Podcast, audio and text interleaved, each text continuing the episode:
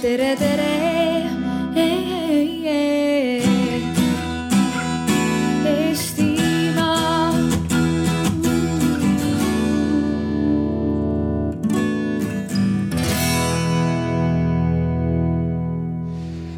Ühesõnaga, tere tulemast kõigile. Äh, see on Noorteala ja Noorteala tänane esimene arutelu on äh, sellise pealkirjaga Noored versus otsustajad. kõlab hästi sedasi vastandavalt, aga tegelikult eesmärk on üllas, kuna teadupärast järgmisel aastal toimuvad esimesel poolaastal kohe kahed valimised. valitakse nii uus riigikogu koosseis kui ka Euroopa Parlamendi saadikud siis sellega seoses tavaliselt kõikvõimalikud huvikaitseorganisatsioonid, sealhulgas siis noorte huvikaitseorganisatsioonid seavad teatavad ootused uutele siis otsustajatele. ehk siis mida head võiks tuleval perioodil ära teha, et siis noorte ja õpilaste jaoks ja üliõpilaste jaoks läheks midagi paremaks. ja selleks, et me siis kuidagi ühiselt need ettepaneku formuleeriksime, on meil siis kokku toodud lisaks noortele ka otsustajad siia ise, kes saavad siis ka sõna sekka öelda, et, et mis on realistlik ja mis mitte. kuidas me seda täna teeme? meil on selline formaat välja mõeldud, et siin keskel, nagu te näete, neli tumbat. Ja sinna istuvad kohe varsti mõned otsustajad, noorte esindaja ja ümber te kõik, kes te olete, teil on iga kell võimalik sinna arutelu sekkuda. ehk siis see pole selline arutelu, kus neli rääkivat pead vahetavad mõtteid ja te lihtsalt kuulate, noogutate kaasa ja saate mingeid küsimusi esitada. vaid teil on, nonii, teil on õigus minna siis ühesõnaga näiteks ringis istuja juurde, panna käsi õlale. Tema tasub selle peale püsti, läheb eest ära. Te istute sinna asemele ja ma räägin mikrofoni edasi. istute asemele, võtate mikrofoni ja saate oma mõtteid avaldada. sisemises ringis kehtib reegel, et austate vastaspoolt, kuulate ära mõtted, püüate mitte hakata teravalt oponeerima või kritiseerima, vaid seda mõtet kuidagi edasi viia ja samal ajal pakkuda mingit uut vaatenurka, et lihtsalt seda üle korrutada, et ma olen nõus sellega või, või et hakata sama pointi üle kordama ei ole nagu mõtet ja kehtib ka reegel, kes väljaspool on, et te olete väljaspool ringi, järelikult pole ka siis põhjust nii-öelda sõna sekka öelda kuskilt nii-öelda neljanda seina tagant. aga kui te mingil põhjusel ei soovi sisse tulla, siis on võimalik võtta siit selline väikene märkmepaber, kirjutada oma küsimus või mõte sinna peale ja toimetada see kuidagi minu kätte, ehk siis ma mingi hetk sujuvalt esitan ise selle küsimuse või kuidagi suunan seda arutelu. et, et idee poolest seesama ring ise viib seda arutelu edasi, kui see peaks mingil hetkel seisma jääma, siis ma nii-öelda tulen juurde ja, ja viin seda mingi järgmise küsimusega edasi. kas üldjoontes on see formaat arusaadav kõigile? väga tore, aga siis ma loodan, et meie tehniline pool on valmis väga hea, siis ma võin kutsuda siia meie esimesed nii-öelda otsustajad. noorte poole pealt on praegu siis Brit Järvek, kes on üliõpilaskondade liidu juht. lisaks on siin ala peal ka Eesti Noorteühenduste Liidu juhatuse esimees Roger ja Eesti Õpilasinimeste Liidu juhatuse esimees Markus, kes siis mingi hetk ka sekkuvad siia arutelusse. paluksin siia Lauri Läänemetsa, kes on siis Sotsiaaldemokraatlikust Erakonnast. võib valida ja palun. siis Viktoria Ladõnskaja paluks siia, kes on isa, Isamaa on nüüd siis õige vist öelda jah mm -hmm.? nime muutus järgelt, järgselt ja peaks olema ka Vladimir Svet. palun, Keskerakonna poole pealt mm. -hmm. ja lisaks on ka Liina Kersna, kes saab ka siis mingil sobival hetkel sekkuda arutelusse. nii, aga ma kohe otsin välja oma märkmed et esimene teema, millest me peale hakkaksime, seostub tudengitega ja tudengite nii-öelda töötamisega õpingute ajal. Ehk siis see on selline teema, mis äh, erinevate uuringute põhjal on äh, Eesti, Eesti paistab sellega silma, et väga palju tudengeid töötab paralleelselt õpingutega. Ja see on siis ka tudengi enesemääratlusega seotud, et kas ta on siis nagu töötav tudeng või on siis äh, äh, tudeeriv töötaja, et kus, mis, mis roll tal nagu siis peamine on? Mõneti see on paratamatus. Ehk kevadel avaldati Eurostudent uuring, mille põhjal siis Eesti üliõpilastest kuuskümmend kuus protsenti töötab paralleelselt õpingutega. ja töökogemuse omandamine on teine peamine töötamise põhjus, lisaks siis elamiskulude katmise vajadusele. Ja Eesti paistab Euroopas silma sellega, et üliõpilaste töötamine on meil kõige sagedamini seotud õpitava valdkonnaga ja sarnane muster iseloomustab ka Põhjamaid, eelkõige Soomet ja Norrat ja õpitav eriala on tihedalt seotud töökohaga viiekümne kuuel protsendil Eestis töötavatest tudengitest samal ajal kui Euroopa keskmine näitaja on selles nelikümmend viis protsenti. et äh, mis selline statistika siia alguses nagu teie jaoks ütleb või et, et äh, mis tunde see tekitab? ma vist, töötab või? keera, keera, väga hea. Eh, tere, mina olen Brit. Ehm, mis tundeid see minus tekitab, selles mõttes on kindlasti tore, on ju ah,. me peame nüüd eh, rääkima üksteisega, mitte rahvaga, see tuleb meil ära unustada, on ju. rahvaga. ei tohi rääkida. tuleb unustada, palun tsitaadi võtta nagu. raske ole. Live läks lahti hea demokraatia, ei, aga tegelikult point on see, et kui nad tulevad, tahavad rääkida, siis nad panevad käe õlale, onju. et eh, selles mõttes on ikka ju hea tunne, et eh, meil tahavad noored erialast tööd teha, nad oskavad päris hästi valida ja, ja suudavad oma õpingud ja tööelu ühildada. mis on küll kurb, on see et, et kuuskümmend kaheksa protsenti peab reaalselt töötama selleks, et ei, seitsekümmend kaks, kuuskümmend kaheksa, ma ei mäleta, et eh, oma elamiskulud ära katta ja, et nad ei saa riigi poolt antavate toetustega tegelikult hakkama. ja siis teiselt poolt on meil ülikoolid, kes eh, tahavad kõrget kvaliteedinõuet hoida, aga samas on sunnitud langetama kvaliteedinõuet, sellepärast tudengid töötavad, on ju. Ehm, ja siis ongi sihuke paradoks, et kus eh, õppejõud tahaks ka nagu vastu tulla, langetab standardeid, üliõpilane vaatab, saab veel lähedamalt läbi, langetab standardeid, läheb tööle, võtavad tööd ja siis meil töötabki kuuskümmend kaheksa protsenti tudengitest.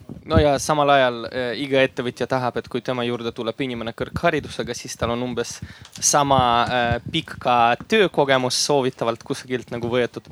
et äh, siin on ilmselt teatud mõttes selline kuidas öelda, kognitiivne dissonants tsiteerides TTÜ rektorit ja kunagist siis, kunagist Isamaa ja no tol ajal veel Res Publica liiget Jaak Aaviksoot on tudengi töö õppimine aga minule tundub, et sellel kontseptsioonil on nagu see viga, et kui meil elu lõpekski õppimisega, siis see olekski nagu hea, aga me ju õpime selleks, et pärast teha karjääri. oi, ei vabandust, me ju õpime selleks, et õnnelikud olla yeah., sest meile meeldib nagu õppida. et äh, tõenäoliselt äh, tegelikult äh, tudengi töö on tegelikult õppimine ja töötamine enesearengu nimel mm. peaks nagu täiendama töödirektori tsitaadi. Ja no mm, see on tegelikult ka küsimus riigile, et mida riik siis teeb selle nimel, et üliõpilased saaksid nagu töötada mitte eeskätt selle nimel, et oma elu ära teenida, vaid selle nimel, et olla nagu, et no täiendada oma õpinguid, see on ju see, mida me tahaksime. Ja no siin me niikuinii varem või hiljem tuleme ringiga sõna juurde, mis on väga oluline selles diskussioonis, on praktika. Ja võib-olla noh, minu arvates üks oluline küsimus, mida oleks aeg püstitada nagu riigile, on see, et mida teeb riik selle nimel, et tudengid ei töötaks piltlikult öeldes McDonaldsis, mitte et McDonaldsil mingi viga oleks või mitte, et seal midagi tervislikku oleks. aga et, et äh, mida riik teeb selleks, et tudengid leiaksid sellist tööd, mis äh, neid arendaks, annaks neile selle õige, õiged nagu oskused ja teeks neid konkurentsivõimelisemaks turul. ja noh, kui te nüüd lubate, mina just äh, tahaksingi visata õhku sellise mõtte, et ma arvan, et äh, Eestis võiks riik Eh, hakata rohkem mõtlema, kuidas tema saaks vahendada seda praktikat ja mõelda ka selle peale, kas tema saaks toetada äkki seda praktikat ja teha nii, et tudeng läheks sinna kus tal on vaja minna, mitte sinna, kus talle antakse raha, et ta jumala pärast ainult äh, neid miviina-makarone ei peaks sööma. no ma nüüd äh, ka hakkan sõna võtma, ma natukene oponeerin sulle, sest et äh, mõningal määral antud äh, idee, millest sa just praegu hakkasid rääkima, on juba töötab, on juba töötamas. ehk siis õppeva poisi süsteemi, et siis äh, kuidas me proovime kooskõlastada seda, mida vajab riik ja, ja siis äh, sellega, mida vajab õpilane ja siis panna neid huvid kuidagi kokku. aga tulles tagasi selle esimese küsimuse juurde, mina ja minu, minu jaoks on üldse hästi äh, oluline see küsimus, et millal siis hakkab arenema see isiksus sellisena, nagu ta lõppkokkuvõttes ühiskonnale on hästi vajalik. ehk siis millal me esitame seda eh, küsimust endale, et kas siis riik minusse panustab või mina hakkan panustama sellesse, et riik areneks ma mäletan, et siis, kui mina olin tudeng, mina valisin äh, ülikooli ja oma eriala sellepärast, et see oli minu elu eriala. mina mõtlesin, et selle erialaga ma olen hästi õnnelik ja just sellepärast mina olen valmis seda õppima. ja siis, kui, kuna see valik oli minu oma, siis ma sain aru, et äh, mina võin õppida hästi. ja kuna õppisin hästi, siis ma sain ka stipendiumi. Ja vot siis ma sain aru, et, äh, et on vaja ka praktikat. Ja see praktika ei ole nagu kuskilt nagu riigi poolt nagu kasulik või, või riigi poolt nõuetav või tulevase tööandja poolt nagu küsitav, vaid see on nagu minu huvides. Ja sellepärast ma hakkasin nii õppima kui ka töötama samaaegselt. ja töötamine tähendab ka tasu. Ehk siis mul oli stipendium ja mul oli see tasu ja lõppkokkuvõttes riik hakkas ära võtma minu käest seda stipendiumit, kuna ma olin liiga tubli õpilane. ja vot see minu jaoks, see oli küsimus, et kas niimoodi tohib või ei tohi, kui sa oled tõepoolest panustad mitte ainult oma arengusse, vaid ka sisuliselt nagu juba sel hetkel annad tagasi riigile. see on nagu tegelikult nagu näide sellest, et mis asi on parempoolne mõtlemisviis ja mis ei ole parempoolne mõtlemisviis, et kui sa nagu tegelikult panustad ja töötad, et siis, et siis see ei ole ainult sinu huvides. aga nüüd siis tulles selle küsimusele, ma arvan, et eelkõige see äh, praktika ja õppimine on eelkõige tudengi enda huvides pärast seda see on ka tööandja huvides ja siis äh, muidugi see on ka riigi huvides. ja siis, kui äh, niimoodi hakkab mõtlema äh, inimene, ühiskonnaliige, et see on eelkõige minu huvides, kusjuures õnnelik riik on ka minu huvides, siis äh, tänu sellele tekibki see nagu sünergia, et, et mitte ainult keegi peab mulle suruma ja pakkuma midagi, vaid ka mina võin iseseisvalt pakkuma. no jah, äh, ma saan mõtlen ka natukene midagi kaasa, et kõigepealt ma tahan öelda, et äh, ma oma elus olen saanud olla kõigis kolmes äh, liidus nagu äh, tegev. mõnes natuke vähem, mõnes natuke rohkem. ma alustuseks pean ütlema, mulle hullud programmid meeldisid, ma mäletan, millised need olid kümme aastat tagasi ja viisteist aastat tagasi ja mul nende programmidega oli üks mure, et ma ei saa nagu väga vaielda nendega, sest ma olen suhteliselt nagu võiks kahe käega alla kirjutada ja andke, andke mulle võimalusi ja ma hakkan nagu ellu viima, onju et, et kunagi neid asju teinud, et äh, selles mõttes äh, ütlesid väga hästi äh, tegelikult selle või, või, või Brit ütles tegelikult ka sedasama, et, et küsimus ei ole ju selles, et noh, kas tudeng peab töötama või kas töötamine on halb või midagi sihukest, et küsimus on, miks ta töötab, onju. et, et peamine asi ikkagist, mis ühiskonna jaoks oluline on see, et sul on haritud inimene ja see eh, sellel hetkel, kui noh õpib, et võimalikult hea hariduse saad. Eh, ja, ja siis tuleb nagu see, et noh, mine tööle, sest töötada jõuad sa nagu äh, kümme korda rohkem nagu oma elust on ju, kui sa nagu õpid, kuigi see õpi, õppima peaks ka juurde, on ju. et äh, minu arvates hea näide siia lihtsalt on seesama, et eelmise TTÜ rektori, mitte nagu Aaviksoo, vaid äh, G-Valliku nagu mure oli see et talle IT-tudengid, äh, kes tulid, on ju, et äh, bakalaureusesse äh, tulid õppima, on ju, ja, ja, ja kui nad õppisid, siis tegelikult noh, praktika käigus niimoodi, et said tööle minna ja, ja, ja see palk oli päris hea, on ju, et ta tõmbas ülikoolist ära nad ei jõudnud magistrisse, et mure on selles, ta ei jõua ju magistrisse onju, aga see ei ole nüüd, see ei ole nüüd nagu toimetuleku mure onju, aga see võib-olla nagu iseloomustab seda, et, et ja nad arvutasid seal siis minu arvates HTM-iga või, või ma ei mäleta kellega, et ma ei mäleta neid summasid, aga lihtsalt ühiskonna jaoks oli äh, äh tohutu kadu, sellepärast et nüüd see IT-magister onju, kes tegelikult ole, oleks noh, nii-öelda ära õppinud selle, et tema nagu panus ühiskonda äh, tema panus sellesse riiki oleks olnud palju suurem, pluss ta oleks äh, saanud, äh, pluss ta oleks saanud kõvasti äh, rohkem tegelikult ise palka ka, kaks korda rohkem palka kui bakatudengina. ma tulen juurde statistikaga, et tõepoolest see on suur probleem. fakt, et meil väga palju tudengid jätavad pooleli oma õppimisprotsessi vastab ka tõele, et iga viies noor inimene on meil suhtelises vaesuses Äh, vastab tõele ka see statistika, et meil on hästi palju noori, kes sõidavad ära siit ja võib-olla tulevad tagasi, aga võib-olla ei tule.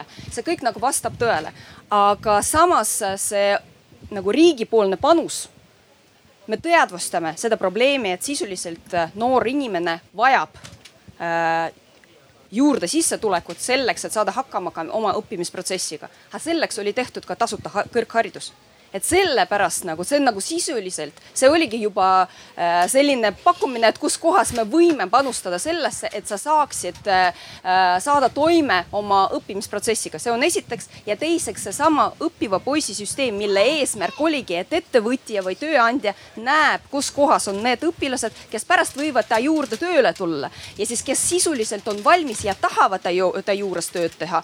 ja siis õpilase jaoks on ka mugav, et tööandja juba näeb teda, võtab teda praktikale ja pärast võtab ta ka tööle. et selles mõttes, et need ei saa öelda, et riik justkui ei panusta või justkui ei märka seda probleemi, probleemi teadvustatakse. lihtsalt, et nagu mingisugused hästi suured sammud ja kusjuures hästi kallid sammud on juba tehtud korra pakun mõned numbrid teile nagu juurde, et sama uuring, millele ma ka alguses viitasin, see Eurostudent uuring, mis kevadel ilmus.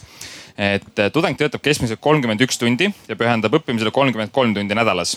oma elukorraldust rolli määratledes ütlevad enam kui pooled ehk siis viiskümmend neli protsenti töötavatest üliõpilastest, et nad on ennekõike töötajad, kes õpivad siis töötamise kõrvalt kolm tudengit neljast ehk siis umbes seitsekümmend viis protsenti ei tööta ainult kogemuse nimel, nende prioriteediks on katta oma vajalikud elukulud. et see võib natuke nüüd kõlada sellise, kuidas ma ütlen, lumehelbekese kiununa, aga kas kuuskümmend neli tundi nädalas on tõesti see jätkusuutlik mudel, et või peaks sellele kuidagi reageerima, et võib-olla lahend oleks see, et kui töö on sisult erialane, siis ehk on sinuga ühildamiskohti õppekava täitmisega. et seesama aeg, et mis sa paned nagu selle töö tegemisse, tegelikult saab mingi praktilise kogemuse, mis kajastub ka sinu nagu õppetöös tere, mina olen äh, Liina Kersna Reformierakonna fraktsioonist ja mm, ma tegelikult tahtsin öelda seda, et äh, mina olen ka just olnud üliõpilane, just sain äh, oma magistridiplomi ja mina lähen tõenäoliselt siis selle statistika alla, kes oli eelkõige töötaja ja õppis töötamise kõrval.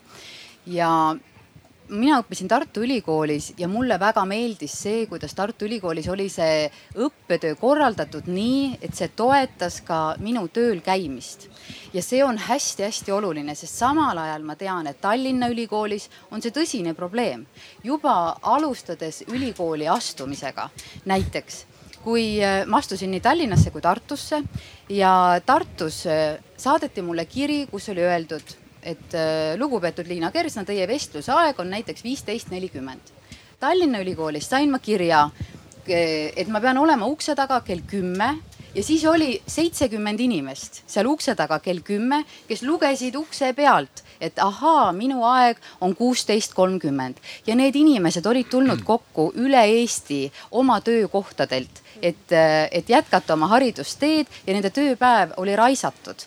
nii et tegelikult lisaks sellele, mida riik äh, saaks äh, omaette panustada selleks, et, äh, et noored saaksid pühenduda õppimisele, võib-olla vähem tööle, on saaksime me teha väga lihtsaid korralduslikke asju, et soodustada õppimise kõrval ka töötamist, sest me ju elame elukestva õppekeskkonnas, kus me tahamegi, et eh, inimesed õpiksid kogu aeg, mitte ainult noorena vot lihtsalt äh, korra, et, tegelikult selles uuringus on nagu oluline, et minu arvates see uuring võttis kõik õppijad, onju.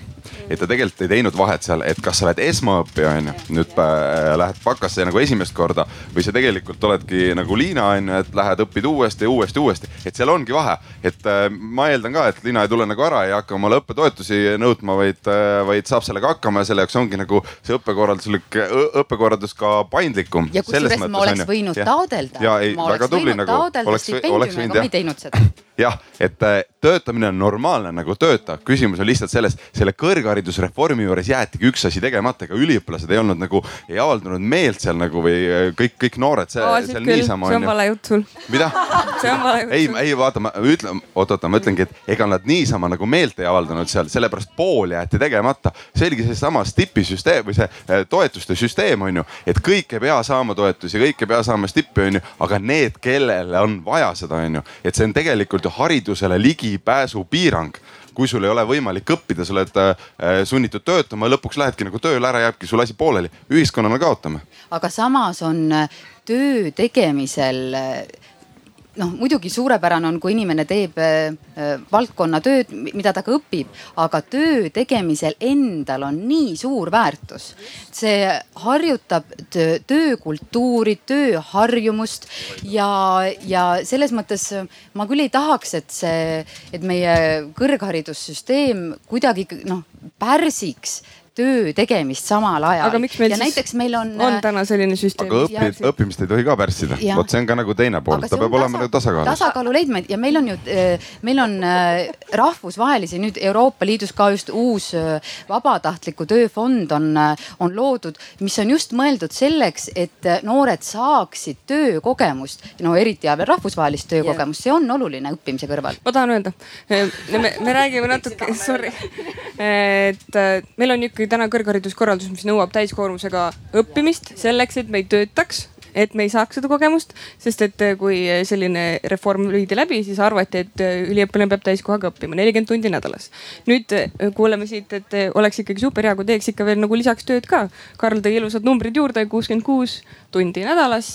rektorite nõukogul on omasugune statistika, mis ütleb, et kõik tudengid, kes panustasid viisteist nädalat kuni viisteist tundi nädalas tööle, suutsid täita ära kolmekümne tunni õppimise mahu Äh, kõik, kes panustavad rohkem, õpivad nädalas kakskümmend kolm äh, alla selle, see on siis iseseisev ja nagu nii-öelda loengutes töö kokku, on ju. ehk siis meil on tudengid väga äh, ülekoormatud tegelikkuses, samal ajal oleme ikkagi lumehelbekesed ja ei saa üldse endaga hakkama ja, ja nõuame palju ja mida iganes, aga tegelikult on probleem ja, ja Karli küsimus on endiselt õhus, et äh, kuidas me korraldame selle asja nii, ma võin, vist võime lahenduste poole liikuda, on ju, et äh, kuidas me korraldame selle asja nii, et see oleks äh, normaalne süsteem, mis lubaks mõlemat äh,, aga äh, nagu annaks ikkagi sellele akadeemilisele haridusele kaalu, et see ei jääks nagu varju poole, sest kui me tahaksime, et kõik tudengid töötaksid, siis me peaksime rääkima rohkem, ma ei tea, rakenduskõrgharidusest või mingist muust haridusest aga samas jälle minusugune näiteks, kes läheb ähm, en, ennast ümber õppima, kes on juba elus noh midagi saavutanud juba peaaegu neljakümne aastane, siis mina võiksin ju oma hariduse eest maksta see on, ma tundsin tõesti, et ma olen väga priviligeeritud. elus esimest korda ma õppisin tasuta, kuigi nüüd olen ma maksujõuline ma oleks võinud ka selle hariduse eest maksta. kuna ma olen kultuurikomisjoni liige, kus kohas on olemas ka terve haridusvaldkond, siis ma tean, mis tuleb äh, valimiste ajal debattideks. ja üks küsimus, millest Liina praegusel hetkel põgusalt mainis, ongi ütleme selline, kus kohas ilmselt erinevad erakonnad hakkavad vaidlema. seesama tasuta kõrghariduse süsteem, mida tegelikult noh, millesse panustas äh, jõuliselt ka minu erakond Äh, praegusel hetkel on natukene kriitika alla sattunud. et ühest küljest tudengid, nagu mina saan aru, väga toetavad seda süsteemi ja ma lugesin teie paberitest, et äh, täitsa juurde tahaks midagi. aga põhimõtteliselt paljud ütlevad, et see süsteem on võib-olla juba paigast ära läinud. mida see tähendab? see tähendab seda, et on olemas tõepoolest mingisugused konkreetsed sihtrühmad, kes võiksid enda õppimisprotsessi eest maksta. teisest küljest ja nüüd siis on see kõige olulisem punkt, mille üle hakatakse vaidlema, kas terve see haridussüsteem süsteem peaks olema tasuta või siis riik ütleb teile, milliseid erialad me tegelikult vajame ja mida me ei vaja. ja näiteks, kui me enam ei vaja müügijuhte, siis sisuliselt neid müügijuhte võiks enam mitte noh, mitte panustada sinna riigi poolt, et kui inimene ise otsustab, ta võtab enda peale riski ja siis ise maksab siis oma hariduse kinni. aga juhul, kui me vajame juurde näiteks IT-valdkonna eksperte või spetsialiste ja õpetajaid, õpetajaid eelkõige ja meditsiinitöötajaid näiteks, siis me sinna panustame ja ka riigi poolt panustame ja jõuliselt panustame ja niimoodi siis tehakse siis mingisugust skaalat, et kus kohas on prioriteet ja kus kohas enam prioriteeti, vähemalt praegusel hetkel enam ei ole. ja teine küsimus, mis nagu ka läheb sinna, et kuidas vastata eelpool mainitud küsimusele, et kas siis inimene, kes valib endale eriala, kas ta sel hetkel saab aru, et see on tegelikult tema nagu eluvalik või siis ta praegusel hetkel pigem noh, mingil, mingi, mingiks hetkeks eluvalik ja, ja. või siis ta läheb lihtsalt sellepärast, et teab, et talle räägiti, et äh, kõrgharidus on hea ja ma tahan saada magistriks.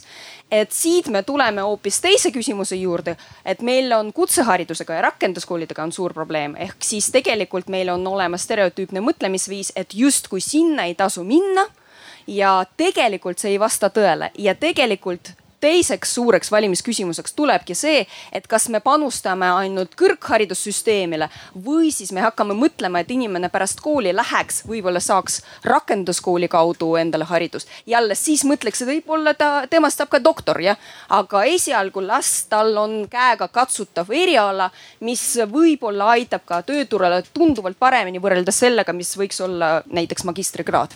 no mina ütleks, et kui me räägime lahendustest ja tulles tagasi Britu küsimuse juurde tema ju ütles ühe selle lahenduse äh, nii-öelda sõnast ühe, ühe äh, osa see sõna oli koormus, aga sõna osakoormus ei ole siin siiamaani kõlanud.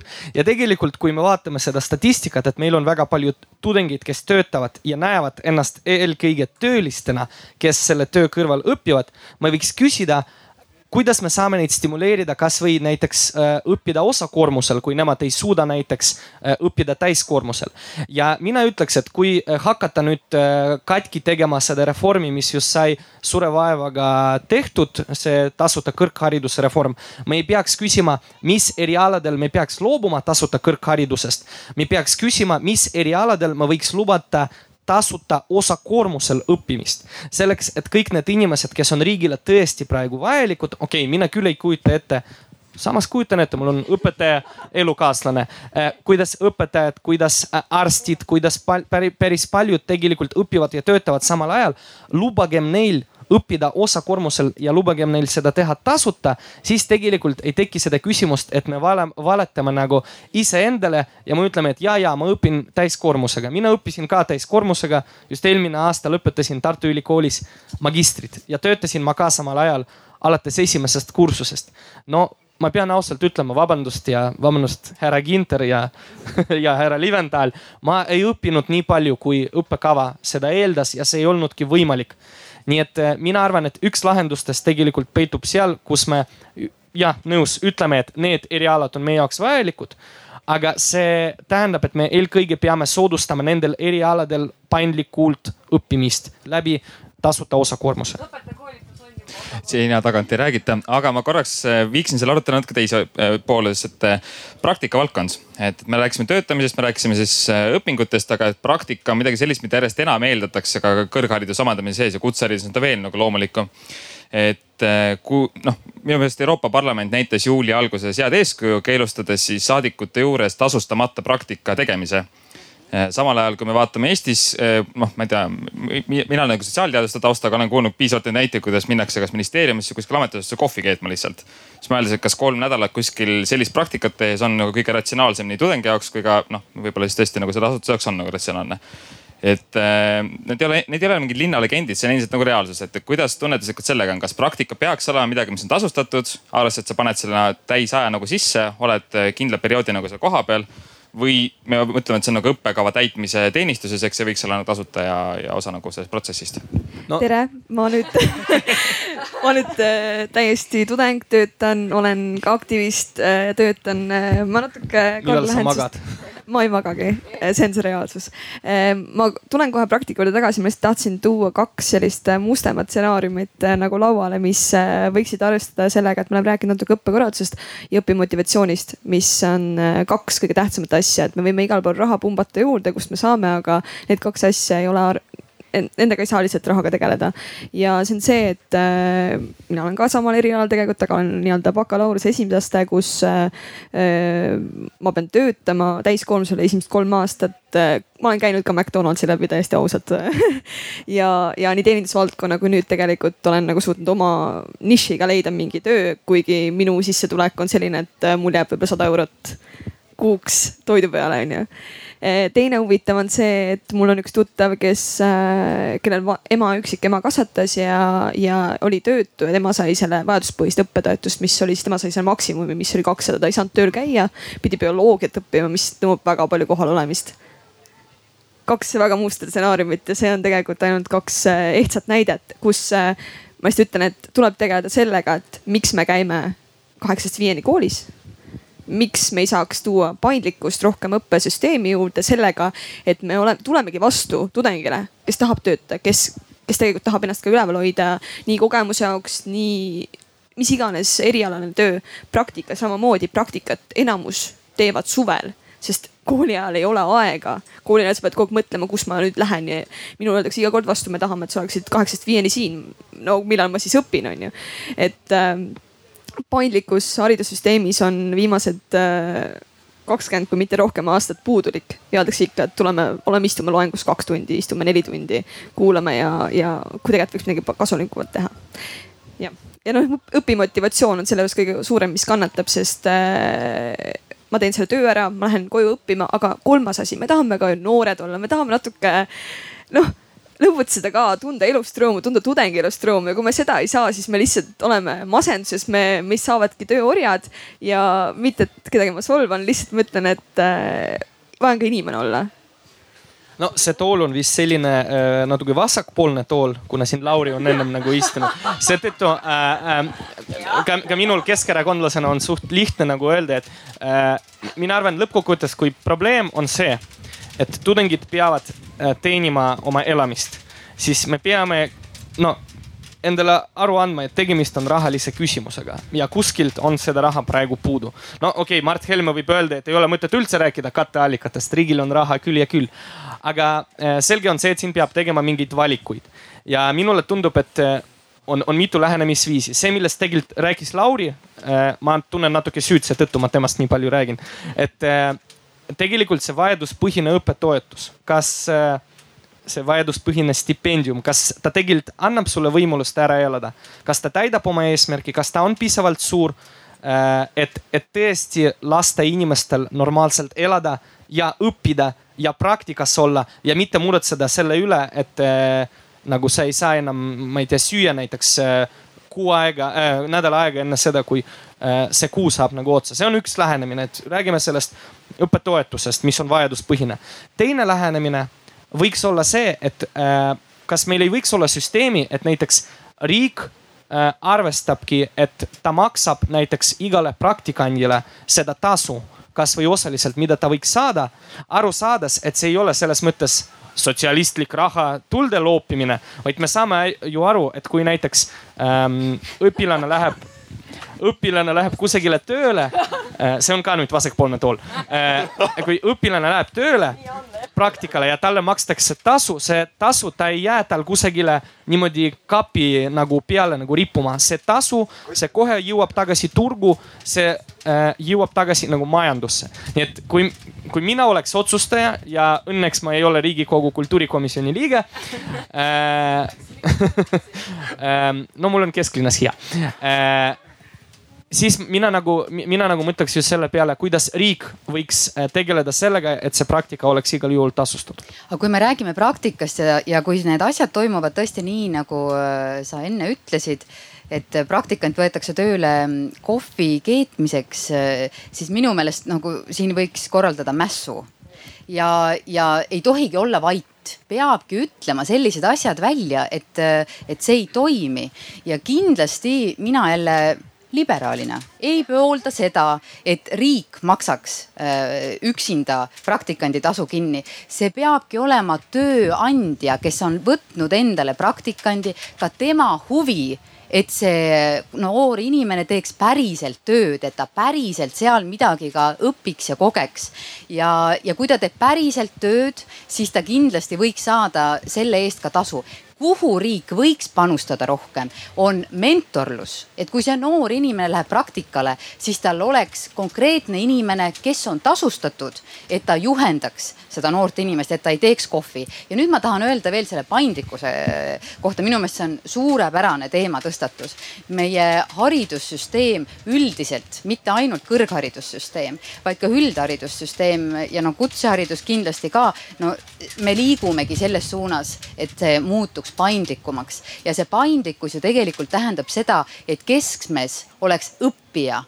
praegu on meie haridussüsteemi keskmes on süsteem ise ja õppija, inimene peab seal kuidagi ellu jääma. me peaksime igas haridusastmes mõtlema selle peale, et keskmes oleks õppija kuulge, maksta mentoritele selle asemel, et maksta tudengitele. kas siin ei ole nagu loogilist viga antud aga juhul? siis nad lähevadki kohvi keetma, kulla inimene, kui neil ei ole konkreetset inimest, kes tunneks, et see on tema juhendada inimene. kui ettevõtja ei inimesed... ole huvitatud, siis mentorite süsteem ei pane neid huvituma. ettevõtja ei taha raha panustada sellesse äh, inimesesse ma me, ma, ma tulin siia ühte asja nagu kõigepealt õiendama nagu, et ära õiendama, mis oli nagu kerin korra tagasi. ma lihtsalt äh, tahan ühte asja öelda, et siin kõlas nagu see, et äh, riik noh, tänasel kuidagi sellel tasuta kõrgharidussüsteemil on mingi viga sees. minu arvates on jah viga, et see õppetoetuste pool pole korda tehtud, see jäeti tegemata. et need kõik probleemid, millest te räägite, ongi nagu suuresti sellest, onju. aga, aga noh, süsteem, mis tegelikult pole isegi rakenduda jõudnud veel onju, millest tegelikult mingeid normaalseid tulemusi ei saa. et noh, ei ole mõtet näppima minna, et muidu teedki reformi reformi otsa ja, ja jama jama otsa, onju. et aga, aga siin kõlas nagu see, et noh, et, et seal kõrgkoolidel kuidagi tegelikult on ju noh, et peaks nagu vaatama, mis erialasi on vaja nagu õppida, et meil on vaja neid inimesi, neid inimesi, neid inimesi. okei okay,, riik peab seda vaatama, aga mis täna tegelikult kõrghariduse rahastamise juures on minu arvates ohumärk, millest peaks nagu kõva häälega rääkima, on see, vaadake, et et, et esiteks, miks praegu ülikoolide raha vähe on, on see, et riik lihtsalt pole nagu seda raha andnud nagu. et see on, mis mitu aastat tagasi tasemel on ju, et kunagi seda reformi tehti, siis ta jäi nagu selle, sellele tasemele. et nagu see on tegelikult rahastamise küsimus väga lihtne, anna siis nii nagu elukallidus läheb, anna seda raha ka juurde, on ju.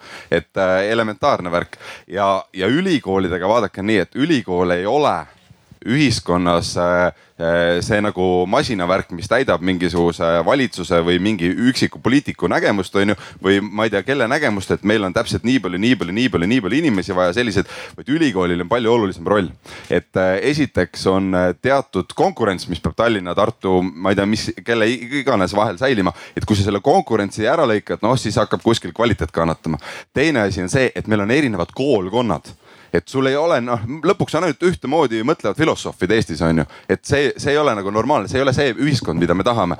ja lõpuks ülikoolil peab olema seda vabadust tegelikult ikka otsustada ka, milline õppekava on, on ju, nii palju et, et, et kui poliitikud vaatavad, et ühiskonnas ei ole neid mingisuguseid probleeme, on ju, et, et sellega me tegelema ei pea, siia me raha ei anna, on ju. aga tegelikult ülikoolis õppejõud võib-olla uurivad ja, ja näevad mingeid probleeme, nad näevad noh, ühiskonnas mingeid muresid, on ju. ja nad ütlevad, et noh, me peaks neid inimesi õpetama, me peaks neid asju uurima, on ju. et, et see ühiskond nagu laguneb ära, selles mõttes eh, ei saa olla ülikoolid need, et kus kohas nagu riik täpselt tellib, ütleb ette, kui palju inimesi kustkohast nagu tuleb, on ju. ja selle praktika koha pealt tegelikult on ju, mis ma tahtsin lihtsalt öelda, et minu arvates kui me võtame seda, mis olukord Eestis täna on, on ju, äh, tööjõupuudus siis me, me ei pea muretsema selle pärast, et äh, kohvikeetjad, ma arvan, neid on ülivähe. Need on lihtsalt näited, mida tuuakse, kui kellelgi on statistika ja uuring on ju, öelge siis, kui, kui, kui teil on kohvikeetjate uuring, on ju. aga te, tegelikult ma ütlen, et äh, väga rumal tööandja on see, kes võtab inimese nagu kohvi keetma. et kui sul suure tõenäosusega maksad nagu väga palju raha töötajatele, on ju. sul on nagu vaja mingeid asju teha ja siis sa nagu noh, raiska, raiskad seda tööjõudu. ma järjest vähem usun, et seda nagu juhtub nii väga hea, me saime siit esimese soovituse kätte, et me teeme kohvikeetide uuringu. aga teiseks, et ma tahaks seda pildi natuke laiemaks venitada, me oleme rääkinud viimased nelikümmend minutit peaaegu kõrgharidusest, aga meil on ka kutseharidus, meil on üldharidus ja mõtleks korra selle peale, et äh, praktikakorraldus ka kasvõi kutsehariduse võtmes. ehk siis praktika ei peaks tegelikult olema kasulik üksnes ei koolile ega siis äh, praktikale, praktikandile endale. aga see on ka üht, ühtlasi nagu võimalus ettevõttele anda omapoolne panus, äh, vormimaks siis ettevõtte profiilile vastavat tööjõudu mõnes mõttes. ehk siis kui kostub seda, et, et meil aeg-ajalt ei lähe kokku see, mida formaalharidus pakub ja mida tegelik tööturg nagu vajab siis seda, kui me seda arutelu ette valmistasime, vaatasime ka natuke Euroopasse, mis on need erinevad head praktika või näited et näiteks üks rahvusvaheline ettevõte täheldas, et ootused tulevastele töötajatele ei ühti sellega, millist väljaõpet pakutakse for formaalhariduses erinevates riikides saadeti oma töötajad siis avalikku keskkonda, avalikku ruumi potentsiaalseid tulevasi töötajaid värbama. Äh, noori nõustati siis CV koostamise, kogemuste määratlemise, kõige muu osas. tulemuseks loodi üheksakümnele alakvalifitseeritud noorele äh, kuu aja pikkune selline praktikaperiood, mille vältel nad said siis ülevaate nii selle ettevõtte võtme sellistest elementidest, millega ettevõte üldse tegeleb. Neile pakuti mentorlust ning saadi ka selline arvestatav kogemus oma CV-sse, mida hiljem siis lisada ehk siis minu küsimus on see, et, et noh, mõneti kostub nagu tööandjate poole pealt sellist nurinat, et äh, ma võtan noore mm, kolmeks-neljaks kuuks. Äh, ta töötab mul siin, toimetab ja siis ta otsustab ühe päevaga, et ma lähen minema. ja ma olen justkui pannud enda mõttetu sellise ressursi selle peale, et koolitada välja keegi, kes läheb ära, ma hakkan jälle nullist peale. et millal me lõpuks siis, kuidas me saaksime ettevõtjaid toetada selle mõttemalli muutusega, et, et see ei ole maha visatud aeg ega ressurss, vaid see ongi siis selline omapoolne panus, mõnes mõttes nagu vastutustundlik ettevõtlus, et äh, annab midagi tagasi ühiskonnale. mul on veits provotseeriv mõte selle osas, äh, et äh, on väga tõenäoline, et neid ettevõtjaid, äh, kes ei ole võimelised leidma lahendusi nendele küsimustele, lihtsalt neid kümne aasta pärast vist pole olemaski. sest väga palju on majanduses praegu muut-, muutusi liikvel ja on näha, et see üheksakümnendate põlvkond ei ole nagu arvatavasti nii paindlik nende muutuste haldamisel ja nendega kaasas käimisel kui need, kes tulid peale neid et lihtsalt nagu see on nagu, võib-olla ei peaks alati nagu ettevõtjate nagu selle takti järgi minema. et mitte nüüd sellepärast, et nagu nemad äh, on mingisugune indikaator nagu, mida on ühiskonnas vaja, vaid tegelikult keegi ei tea, mida on nagu tulevikus vaja, riik ka ei tea äh,. ülikoolid ka ei tea, üldse nagu tuleviku prognoosimine meeletult keeruline. isegi nagu mingi viie aasta lõikes, äh, kui oleks küsinud keegi nagu, et äh, kolme aasta eest, et Trump on president nagu väga väike tõenäosus, et äh, oleks nagu keegi nagu selle paika pannud. ja siis nagu öelda, et meil on vaja nagu mingeid oskuseid äh, inimestele õpetada, mida me teame, et tulevikus on vaja. see on ka veits sihuke nagu, nagu sketšivärk või nagu mitte väga kindel.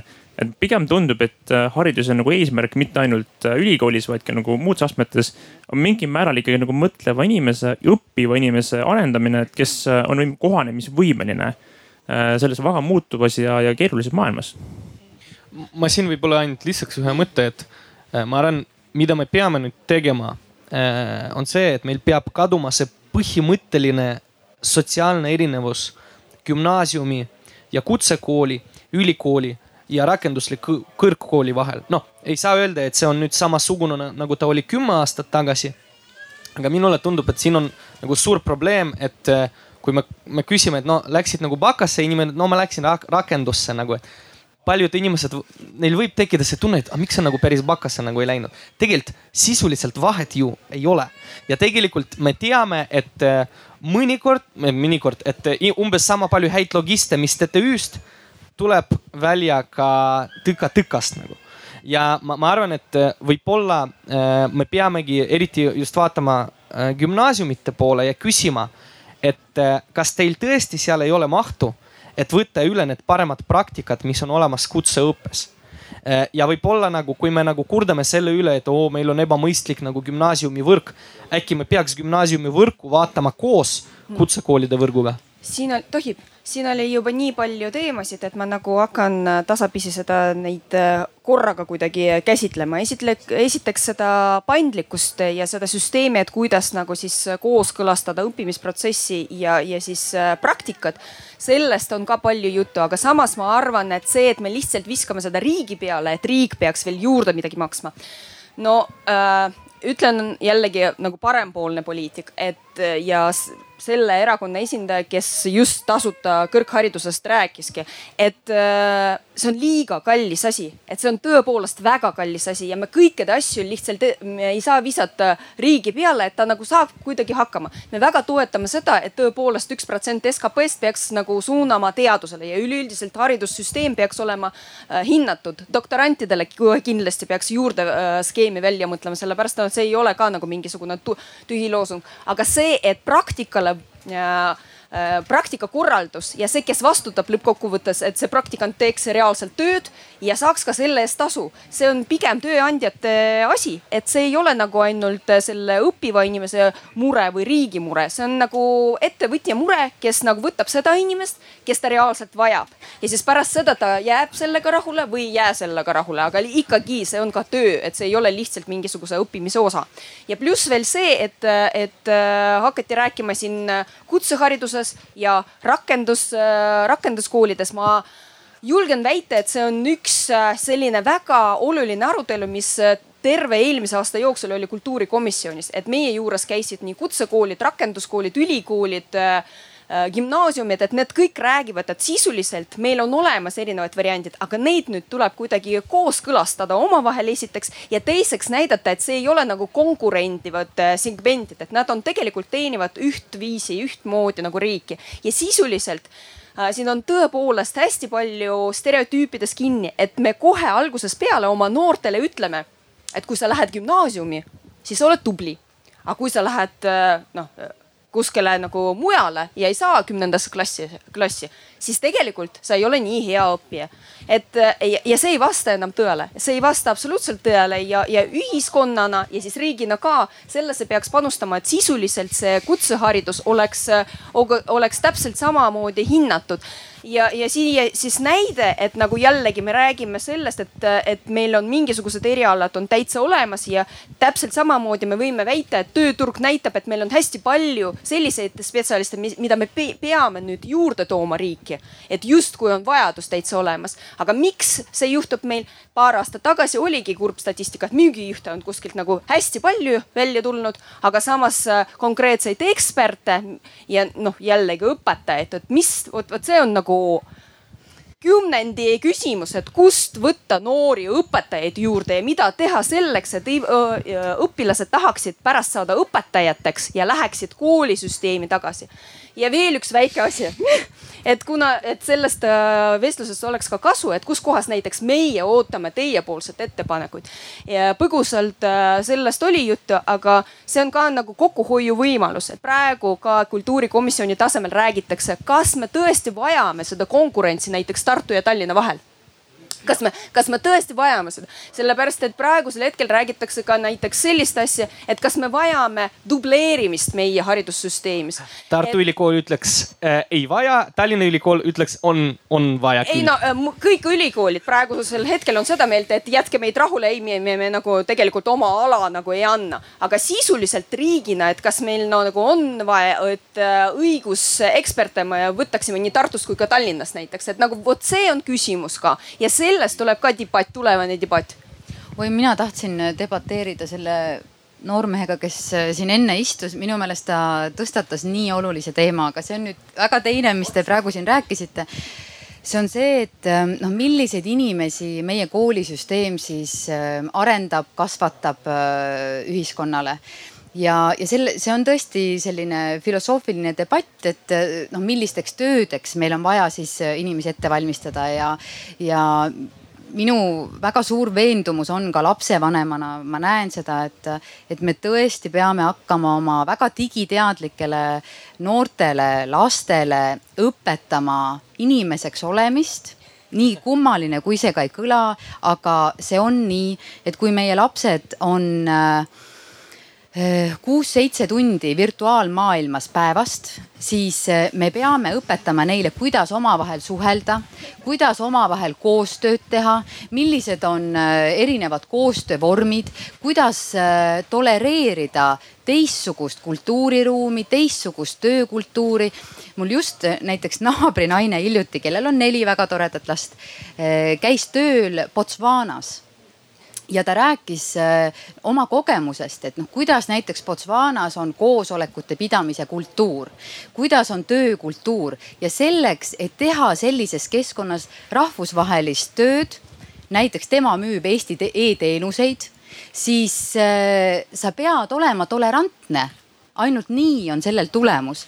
Ja, ja see on see, ehm, kuhu poole me haridussüsteemis, ma usun, liigume, aga mida me peame hakkama teadlikumalt tegema, et meie lapsed ei istuks koolipingis enam üksinda, et nad istuksid enamasti grupis, et nad ei õpiks üksinda, vaid nad õpiksid koos. Ja see on hästi oluline, mis ma tahtsin tõstatada. väga hea, Liina juhatas peaaegu sisse selle teema, kuhu ma tahtsin liikuda. aga enne ma tuletaks meelde kõigile, kes on hiljem liitunud, et meil on selline meetod siin ehk siis sisemised neli arutlejat saavad nagu rääkida ja see ei välista, et teie, kes te nüüd millegipärast telgi alt väljas olete, et te ei saaks sekkuda. et kui teil on mingit mõte, mis te soovite jagada, siis täpselt nii nagu see liikumine on toimunud, panete kellelegi käe õla peale, vahetate välja, saate rääkida ja see on igati normaalne, et ei pea kartma üldse. ja kui ei taha mingil põhjusel ringi tulla, siis siin on ka sellised märkmepaberid ja võite kirjutada vaikselt mulle poeta ja siis ma viskan selle küsimuse õhku. aga äh, nagu ma ütlesin, et, et seesama teema, mis siit praegu tuli, eks, mis on võib-olla tänase nii-öelda kooli, mis, mis ootused üldse tänase koolisüsteemi suhtes on, et millised on need noored, kes seal koolisüsteemis sees on ja milliste oskuste ja võib-olla väärtustega noored sealt süsteemist välja võiksid tulla, et, et mis, mis mõtted sellega seoses on? ma ütlen veel viimaseks, kui mind tõenäoliselt kohe varsti võetakse välja, tõesti tulge, pange käsi õlale, ma hea meelega lahkun, annan teistele ka võimalust, aga eh, ma olen riigikogu liikmena käinud eh, enam kui kuuekümnes erinevas koolis ja suhelnud eh, väga palju noortega. Ja tavaliselt ma küsin enne noorte käest, et palun tõstke käsi, kes teab, mis on tema tugevus ja tead, noh nutt tuleb peale, ükstapuha, kas ma olen väikeses Mikitamäe koolis või ma olen Tallinna eliitkoolis, siis on nii, niimoodi on see olemine. Oh.. teeme kohe kontrolli, palun tõstke käsi, kes teab, mis on tema tugevus no siin on väga teadlikud inimesed. Juba seekord on Arvamusfestivalil ja sellisel, eh, sellisel arutelul see eristab, aga seda on valus vaadata, kuidas siis ma ütlen, et kõigil on nii, et ühtegi käsi ei tõuse. siis ma julgustan, ütlen, et noh, mõelge nüüd, et noh, kas see on matemaatika või, või, või öö, eh, oskate te hästi sõnu seada või noh, mõelge, et midagi te ju ikka oskate. Ja siis sellise noh, neljakümne, viiekümne lapse peale tuleb no hakkab tulema niisugune viis kätt ja mis ma tahan öelda, on see, et kool, kui ta midagi peab inimesele andma, siis ta peab andma esiteks teadmise, mis on minu tugevused ja mis on minu nõrkused ja kuidas neid arendada, nii nõrkuseid kui tugevusi. ja teiseks kool peaks äh, tegema kõik endast oleneva, et äh, nendest ustest lahkuks võimalikult terve vaimse tervisega inimene ja ja need on kaks asja tegelikult, mida üldse koolilt, noh, mis on nagu kõrgemad asjad, mida koolilt tahta. palun tulge koputage mind nüüd välja. Ehm, ma tahaks kohe Viktoriaga ühe asja ära õiendada, et ähm, mulle tundub, et lihtsalt need või tähendab, et riigikogu liikmed käivad vist alati sellistes koolides, kus on ette teatatud ja kõik on hästi ära korraldatud. et kui me näiteks nüüd kutsekoolidest räägime, siis tegelikult need stereotüübid, millest on kakskümmend aastat räägitud eh, ideaalpildis ja kirjas on need jah lahendatud, aga päriselus mitte ja seda näiteks eh, ma tõsiselt ei tahaks öelda, et kutseharidus on tupiktee, aga ma natukene praegu peaksin seda ütlema. sellepärast, et kui me vaatame seda hulka, kes reaalselt teeb kutsekooli lõpus riigieksameid, siis see on küllaltki nukker ja see ei ole nukker mitte sellepärast, et see õpilane ei taha seda teha, vaid see on sellepärast, et see õpetaja ei taha seda teha. sellepärast, et õpetaja teab, et kui nüüd see poiss, kes kaheteistkümnendas klassis õpib äh, kuuenda klassi matemaatikat, teeb nüüd selle riigieksami, siis ta kukub haledalt läbi ja mitte ei tulda selle poisi juurde, vaid tullakse selle õpetaja juurde. ja see on tegelikult praegu kutsekoolis see kõige suurem probleem, et inimesed ei lähegi sinna sellepärast, et nad saavad sealt kätte ainult oma eriala, aga nad ei saa kätte üldteadmisi ja neil polegi enam kuhugi edasi ma minna. ma üldse ei vaidle sinule, sellepärast et see stereotüüpne osa on baas ehk siis see ülim, ülemine osa, ütleme nii, kus kohas nagu võetakse otsuseid. Ja siis pärast seda tuleb see nagu keerulisem äh, koorekiht, kus on olemas tõepoolest see statistika, millest sa praegusel hetkel ütlesid ja sellest me teame. Ja üldse ei käi ainult sellistes koolides, kus on kõik ideaalne. Ja vastupidi, teame ka seda, et sisuliselt see, millest sa räägid, vastab tõele, aga süsteem ongi nagu see, see süsteemi probleem seisnebki selles, et seda tuleb tagasi pöörata kuidagi, et ei oleks sellist asja, et justkui meil eksisteerib üks lüli, mis sisuliselt ei täida seda eesmärki, mis on selle peale antud. selles ongi nagu probleem. vaata, et kui me nagu hakkame rääkima sellest, millest nagu Liina ütles, ma täiesti ühest küljest pooldan seda, et äh, koolist tuleb välja tulla vaimse tervise juures, on ju, et, et sellega, noh, et seda mitte keegi ei rikuks sul seal. samas seesama nagu äh, ka liidri omandused, millest teie paberites, paberitest ma lugesin, et justkui kool peaks peaks andma rohkem selliseid pehmemaid asju nagu õpilastele. et nii ja naa, teate, et selles mõttes, et mina arvan, et esiteks see on eelkõige perekonna eesmärk perekonnapoliitika eesmärk, et siis emade eesmärk, et ta peaks nagu sisestama oma lapsele teadmist, et ta ongi kõige tublim. ja teisena ma arvan, et juhul, kui me kõik, kui meil, meie kõikidest saavad liidrid siis keda me lõppkokkuvõttes äh, juhime. et nagu ma arvan, et äh, geniaalne on see näide. Äh, näiteks noh, meil oli paar aastat tagasi, kui ei olnud üldse populaarne minna kuskile kutseharidussüsteemile. ma mäletan, kuidas Roman Zaširinski praegusel hetkel on tippkokk täitsa, täitsa staar, ütleme nii. ja kellel on restoranid ja kel ma usun, et, et hästi ka tema majandusolukorraga. et selles mõttes tol hetkel, kui ta läks sinna, kui ta avas esimese restorani, ma küsisin tema käest, et mida vanemad siis ütlesid, kui sa läksid mitte nagu kõrghariduse järgi, vaid ikkagi nagu see hoopis alternatiivina. tema ütles, et muidugi nad vaidlesid vastu ja muidugi siis nagu oli see probleemiks aga praegusel hetkel, mis nagu lõppkokkuvõttes me näeme, me näeme, et inimene, kelle, kellel on reaalne haridus ehk mitte lihtsalt nagu mingisugune udu, siis ta saab elada, ta saab täita oma eesmärke ja tegelikult ta ei ole üldse mingis, mingil määral nagu äh, mitte nii edukas võrreldes teistega. ehk siis kõik sõltub lõppkokkuvõttes sinu eesmärkidest, sellest äh, õppimisprotsessist, mida sa endale valid ja kas see õppimisprotsess sobib sulle konkreetselt. ma toon paar teemat siia kähku, enne kui siin oponeeritakse, ma juba nägin teil nägudest äh,. tulles korraks kiirelt tagasi eelmise teema juurde, mis oli noored tööturul, siis ma tooks, viskaks õhku vähemalt selle mõtte, me ei pea seda siin arutama, aga selle mõtte, et kui äh, me räägime sellest, mida mida tööandjad ootavad noortelt inimestelt, siis me oleme nämmutanud juba liiga kaua seda, et eks ole, viieaastane töökogemus ja blablabla bla, bla, et see on tüüp asi, mida me kõik teame. aga teine küsimus on nagu see, et eh, mida tegelikult tööandjad võrdlevad või mis on tööandja jaoks tegelikult tähtis siis selle noore juures peale selle viieaastase töökogemuse, eks ole, et näiteks kogemus omandatud mõnest osaühingust ja aktsiaseltsist versus kogemus omandatud MTÜ-dest, eks ole. et kui me oleme siin Eesti suurimate noorteorganisatsioonide juhid, eks ole, lõpetame oma MTÜ-de tööd ära ja siis me oleme nagu. töötud. no just, siis me oleme töötud, sellepärast et meid ei võeta kuskile, eks ole. Ei vasta tõele tegelikult. kokku lepitud või siis teine küsimus on nagu see, et äh, vabatahtliku töö väärtus, eks ole, et, et tegelikult see, mis sa omandad sealt, võib olla kohati nii-öelda kogemuste omandamise mõttes kordades suurem kui, kui mõnest ettevõttest. aga tulles siia teema juurde veel enne öö, oma monoloogi lõpus, siis see mõte, et kas kodu versus kool peab õpetama sotsiaalseid oskuseid, siis mina olen igal juhul selle poolt, et äh, kindlasti kool suuresti, kindlasti pere ka, aga kooli juures sotsiaalsete oskuste õpetamine on kindlasti see, mis meil on hetkel vajaka. just nimelt artikuleerimine, žestikuleerimine, grupitööd, enese, ma ei tea, mõtete välja korrektselt ütlemine, eks ole. kõik sellised asjad, mida nagu aina enam on vaja ka tulevikus, sest me räägime küll hästi palju IKT-st, eks ole, aga tegelikult need sotsiaalsed väärtused on kohati isegi tähtsamad, kui me vaatame siin paarikümne aasta pärast millised oskused inimestel vaja on. ja sealjuures tulles veel tagasi kutsekoolide juurde, siis ma näen, et kuna riigigümnaasiumite loomise juures, noh riigigümnaasiumid ise kontseptsioonil on väga head, eks ole, sul on valikuvõimalusi, tegelikult neil on nagu vahendid ka rohkem kui tava üldhariduskoolidel, eks ole. küll aga me oleme nagu selle protsessi juures kõrvale jätnud kutsekoolid selles mõttes, et kui meil oleks süsteem, kus sul juba gümnaasiumis on võimalik nagu ülikoolis ise panna paika endale õppekava, eks ole. ja sa saad võtta osad ained kutsekoolist, mis on näiteks samas äh, kohalikus omavalitsuses või näiteks paarikümne kilomeetri kaugusel, eks ole. siis see link on nagu veel tegemata, mis tegelikult äh, suurendab seda praktilise kogemuse omandamist meil, mida meil ka ei ole veel piisavalt nii põhi kui gümnaasiumihariduses. et sa saaksid nagu ise panna endale kokku sellise õpingukava, mis võib-olla peab jällegi äh, tuginema mingitel tingimustel, aga sa saad võtta mingeid praktilisi aineid endale näiteks kutsekoolist juurde, mida sul gümnaasiumis ei ole väga hea, sa võtsid selle riigigümnaasiumite teema.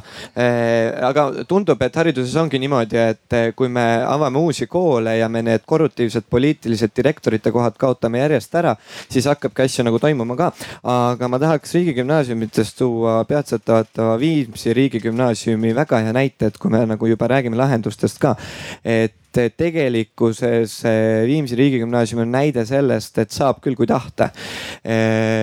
Nemad ei tee kooli lõpueksamina mingisugust testi mingisuguses suvalises aines. see koosneb neil viiest moodulist. üks moodul on see, et nad peavad iga aasta käima kuskil töövarjuks. sealt nad saavad mingisuguse praktika. igal õpetajal on oma viieteistpealine seltskond, kelle jaoks ta on mentor. nii et lisaks õpetajale nad said just kas eelmisel nädalal või isegi sellel nädalal nad said mentorite koolitused. ehk eh, lisaks sellele, et nad õpetavad mingisugust teadmist, nad oskavad ka muid oskuseid edasi anda. siis nad peavad tegema oma portfooliot, sealt nad saavad oma tugevusi, nõrkusi näha. et eh, selles mõttes ongi, et eh, ma ei tea, kas siit üleskutse, et koristame kõik vanad gümnaasiumide direktorid ära ja teeme sellise väga suure reformi. või samas see, et proovime nende vanadega kuidagi edasi minna ja neile ka süstida seda uut innovatiivsust peale, aga tegelikult reaalsuses see on võimalik ma tege, tege, tegelikult tahaks tulla selle vaimse tervise juurde tagasi, aga mina olen nõus, et me peame vaatama mitte ainult õpetajate peale, me peame vaatama direktoritele otsa. ja mina ütleks, et äh, meil on kaks võimalust äh, parandada kooli juhtimise taset. esimene, me äh, peaks nagu ütlema, et see koolijuhi ametiaeg võiks olla nagu lõplik. see võiks olla, kas olgu see viis, seitse või kuus aastat või, või kolm aastat või, või pool aastat. no öelgu seda nagu spetsialistid, aga see, need on tipp tippjuhid, need on inimesed, kelle vastutus on palju suurem kui, vabandust äh,, äh, Liina ja Viktoria riigikogu liikme vastutus. me peaks aeg-ajalt küsima üle, kas te ikka nagu enam jaksate, kas äkki te peate tegema korra sammu tagasi. ja teine küsimus on muidugi tasu ja motiveerimine. me peame tegema nii, et koolidirektoriteks lähevad kõige paremad, kõige kõvemad. nüüd alla, aga tulles tagasi selle vaimse tervise ja liidri rolli juurde, mul on üks sõber Grisha, kes õpib nagu meremeheks seal kaitseväes. Äh, ja, ja, ja siis ma küsin Grisha, keda juhib armees nagu lipnik siis ta pikalt mõtles ja ütles mulle, tead, Vladimir Lipnik heal juhul juhib iseennast. Äh, ja ma arvan, et see on ka nagu teema selle kohta et kui me räägime liidri omadustest, me ei räägi just sellest, et me tahame, et meil noored läheks, läheksid koolidest välja ja oleksid kohe sellised nagu brigadiirid, kes juhivad nagu masse. me ei räägi sellest, et inimesed oskaks iseennast nagu juhtida, aru saada, mis nendega toimub, aru saada, kuidas juhtida neid muutusid, mis nendega on. ja nüüd vaimse tervise juurest veel üks väga oluline aspekt, millest me peame rääkima, on lastekaitsetöö ja koolipsühholoogid.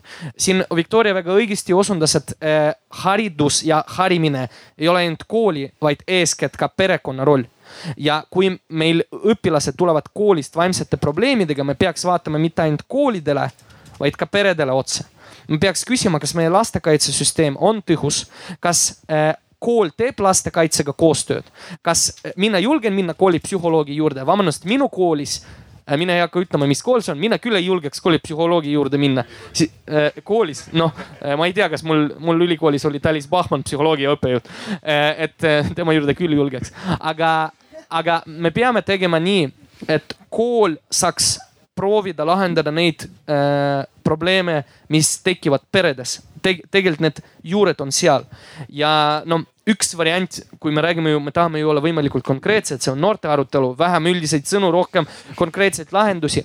võib-olla me peaks koolipsühholoogide asemel, kes on kooli, kooli nagu äh, personaliliikmed, seadma sisse näiteks kooli ala, kooli lastekaitsetöötajad, kes alluksid kohaliku omavalitsuse lastekaitsetöötajate nagu võrgustikule, kes ei oleks koolipere liikmed, vaid oleks need, kes töötavad koos kohaliku lastekaitsega. võib-olla see annaks parema tulemuse lõppkokkuvõttes ma lisaks seda, et kui me tegelikult vaatame, et me oleme õudselt õnnelikud, kui üliõpilased käivad tööl, saavad praktikat, aga tegelikult gümnaasiumiõpilased tahavad ka gümnaasiumi ja kutseõppe õpilased tahavad ka õppe kõrvalt igasugu asju teha, et mina lõpetasin kümnenda klassi, tegelikult lõpetan veel kümnendat klassi just sellepärast, et äh, mul ei olegi aega, et kui mul ütlen õpetajatele, et ma lähen nüüd Eesti õpilasi esindama lähen kohtun riigikogu liikmetega, siis tegelikult mul ei lubata koolist minema minna. et mulle öeldakse, et ei, sa pead siin olema ja mul on sulle Beethovenit vaja õpetada nelikümmend viis minutit. et on, absoluutselt. kui, kui riigikogu liikmed. jah aga see on mõttemalli küsimus, ma õppisin vene koolis, usu mind, äh, mina nägin seda ka ja ma tean, et see tegelikult on siiamaani nii, et ja mitte ainult vene koolides, vaid ka väga paljudes koolides, et see vabatahtlik töö on mingi tasuta mõttetut töö tegemine. nagu olgugi, et see tegelikult lõppkokkuvõttes annab nendele, kes äh, sellesse panustavad, võib-olla isegi palju rohkem kui tavaline raha teenimine. ja no tegelikult ilma naljata, uskuge mind, enamik aktiviste, tudengiaktiviste, õpilasaktiviste, noorteühenduste aktiviste, keda mina tean väga ilusti leidsid endale tööd, nii et. Äh, see on lihtsalt nagu, äh, tundub võib-olla nagu sobilik äh, järelmõte sellele. mulle tundub, et võib-olla ühiskondlikult kutse- ja ametikoolide maine nagu parendamine on liiga raske ülesanne. aga lihtsam variant oleks lihtsalt ametikoolistada mingil määral osad gümnaasiumid ja niimoodi, minu arust Poolas on niimoodi, et seal on mingid nelja-aastased gümnaasiumid, kus on nagu osaliselt ametikooli nagu elemente ja see on nagu mingil määral lahendis ka nagu eelnevalt nagu probleemi, et äh, mingi praktilised oskused nagu, kus äh, mõnikord nagu on soov inimestel omandada, oleks omandatavad. Samamoodi on nagu see, samas on nagu ka, kardan alati, et siuksed debatid nagu lähevad, et kõik arvavad midagi haridusest äh,, lähevad koju ja siis küsitakse, et kus, kust tuleb raha, et siis ah, see pole nagu poliitiliselt nii sihuke nagu äh, primaarne. Mina tahtsin öelda mm, riigigümnaasiumide kaitseks seda, et ähm, et äh, lisaks sellele, et riigigümnaasiumides on tõesti väga palju õpilasel endal võimalik oma õppimist kujundada ja, ja valida erinevaid aineid, on riigigümnaasiumid andnud väga äh, sellise noh, tugeva arenguhüppega just nimelt koolijuhtimistes ja ma vaatan imetlusega, mina, kes ma olen just lõpetanud Tall- või Tartu Ülikoolis haridusjuhtimise eriala ja võiksin olla hariduse mõttes äh, tulevane koolijuht. ma vaatan imetlusega äh, mitmeid riigigümnaasiumide juhte näiteks Võrus, näiteks Põlvas, näiteks Viljandis. Nad on teinud fantastilist tööd ja nad ongi muutnud äh, nagu üldist äh, koolijuhtide kuvandit, et nad on kaasaegselt mõtlevad õpilase kesksed äh, haridusasutused. et äh, see on, mida ma tahtsin öelda lihtsalt hinge pealt ära, et äh, minu meelest me oleme muutuses ja näed, Victoria on nüüd tagasi. Ehm, et äh, see loomulikult on inimeseks õpetamine eelkõige pereülesanne, ma üldse ei vaidle vastu, aga me teame, et äh, väga palju on selliseid peresid, kes ei saa iseendaga hakkama. Ja vot siis tulebki ühiskond laiemalt peab, peab tulema appi ja, ja kool on see koht, kes siis saab tasandada neid puudujääke, mis on kodus jäänud te tegemata. Ja ma olen väga nõus ka eelkõnelejaga Keskerakonnast, et kooli ja kodu koostöö eh, on ka siin võtmesõna ja seda ka koolides käies ma näen, et seda aina rohkem tehakse, aga see on praegu laps, lapse kingades. palun võtke mind nüüd ma, siit ma välja. tahtsin äh, kaks lauset, kaks lauset, ainult kaks lauset. ma Ma tahtsin ka paar selle, selle kohta öelda, et siin räägiti sellest, et lisaks kooliprogrammile peaks veel õpetama neid žeste suhtlemisoskust, äh, liidri omandused või, või. kõik sotsiaalsed oskused, nimetame neid nii. sotsiaalsed oskused, aga äh, mingil määral ma olen täiesti nõus, sest et siis, kui ma olen üheksanda klassi õpilane, ma ise haarasin suure huviga Allan Piisi raamatut ja ise õppisin ära, mida erinevad žestid tähendavad, et mulle lihtsalt see pakkus huvi. aga nüüd ma ütlen nagu lihtsalt jälle, kuna ma lugesin teie paberit, et siis kui te väidate, et on vaja midagi juurde lisada, siis te peate arvestama, et midagi on vaja siis välja visata, sellepärast et praegune töö, mitte töökoormus, vaid õppekoormus koolides on niigi sellisel tasemel, et juhul, kui me toome midagi sisse, ju siis kas siis sa oled nõus, et siis Beethovenist ei pea absoluutselt, üldse? absoluutselt. no ma ei tea, mina ei, ei, ei julgeks niimoodi väita. see on, see on selline väga oluline asi, nüanss, et siis, kui te kirjutate, et midagi peaks juurde lisama, siis mõelge, et mis, mille arvelt see võiks siis. nii, kuna meil hakkab arutelu aeg vaikselt peale pressima, siis ma tahaks jõuda viimase teemani, milleks on, kui me seda, kui me üldse oma platvormi kokku panime E3-na ehk siis üliõpilaste, õpilaste ja noorteühenduste liidu poolt, siis meil oli siin üks ühisosa, milles me kokku leppisime, et see on selline aktiivse noore kodaniku kontseptsioon. eks me nagu sõltumata hariduse tasemest taotleme seda, et, et meie noored oleksid ka ühiskondlikus plaanis aktiivsed, mida tegelikult saab kujundada nii formaalhariduskeskkond mitteformaalharidus et, et kuidagi praegult olles ka nagu teiste partnerorganisatsioonidega suhelnud, tundub, et need kaks, nii formaal- ja mitteformaalharidus ei taha omavahel nagu kokku kõlada, et näiteks kui meil on väikestes kohtades kõrvuti majades noortekeskus huvikool ja tavakool, siis millegipärast noored käivad kõigis kolmes, aga seda ei tunnustata näiteks, kui ma näiteks õpin muusikakoolis solfedžot, siis see kuidagi ei vabasta mind tavakoolis sedasama asja uuesti õppimas muusikaõpetuse raames. ehk siis, kas on mingisuguseid võimalusi, kuidas me saaksime neid kolm maja omavahel koostööd panna tegema, kuidagi soodustada seda, et meil on noored, kes tahavad ühiskonda panustada, saavad sealt selle pisiku võib-olla külge? ja meil on selline võimalus väga hea, kuulame see on üks minu teemadest, mis mind paneb väga põlema. Ja see on kogupäeva koolisüsteem. ma ei tea, kui paljud on sellest kuulnud, see on väga populaarne näiteks Soomes, aga ka näiteks Saksamaal. Ja see mõte on see, et, et üldhariduskool ja piirkonna huvikool ja ka noh, ütleme siis huvikooli all ka spordikoolid või liikumisega tegelevad koolid, et need panevad omad õppekavad kokku nii et äh, laps saab ühest kohast kätte nii oma üldised teadmised kui ka huvihariduse ja piisava liikumise. kui me teame, et ainult veerand lastest meil liiguvad ähm, koolipäeva see või üldse päeva sees piisavalt, siis noh, hästi oluline on see, et äh, iga koolipäeva sees me tagaksime üheskoos, et kõik lapsed liiguksid piisavalt ja teiseks me teame ka uuringutes seda, et ka neid ähm, oskusaineid lapsed suudavad paremini omandada, kui see on sidustatud teiste ainetega ja ka huviharidusega. see arendab tema tugevusi oluliselt rohkem. ja nüüd ähm, noh, Soome kogemus näitab seda, et see kogupäeva koolisüsteem on äh, kõige efektiivsem noh, eelkõige esimeses kooliastmes, aga ka teises kooliastmes. kuid Saksamaal on äh, kogupäeva koolisüsteemi rakendatud ka näiteks juba nendes äh, kutsekoolides. Et see on üks suundumus, kuhu poole me võiksime liikuda. Ja selle eelis on ka see, et kui me enne rääkisime siin lastest, kes võivad olla viis, kuus kuni seitse tundi päevas oma nutilahendustes, siis väikeste laste puhul on lapse tagatud või lapsevanemal on siis tagatud, et tema laps on hommikust kuni näiteks kella neljani korralikult hoitud ja tegevuses ja ta ei istu kodus üksinda, kui tal lõpeb koolipäev näiteks kell üks nutilahenduses. nii et siin on erinevaid süsteeme me võiksime raamide vabamalt mõelda selle peale, kuidas neid kõrvuti asetsevaid süsteeme paremini kokku panna ma siia eelmise teema juurde veidi tagasi tulles, et mida me siis õppima peaksime, et ma viin teid korra sinna ruumi, kus õppekavasid koostatakse, sest viimased aasta aega on, oleme meie õpilasliiduga sellel teel kaasas olnud. aga siis me lähemegi sinna ja siis tuleb, mis meil on, matemaatikaõpetajate liit, selts tuleb, ütleb, et aga meil on seda juurde vaja ja siis äh, teises äh, ruumis tuleb, et muusikaõpetajate selts räägib, et seda juurde vaja. ja siis äh, kõik tahavadki juurde enda ainesse, aga tegelikult keegi ei ole nõus nagu midagi alla andma, et kui me tahame sotsiaalseid oskusi veel juurde panna kõrvalt. ma selle, ma arvan, et me ei jõua selles.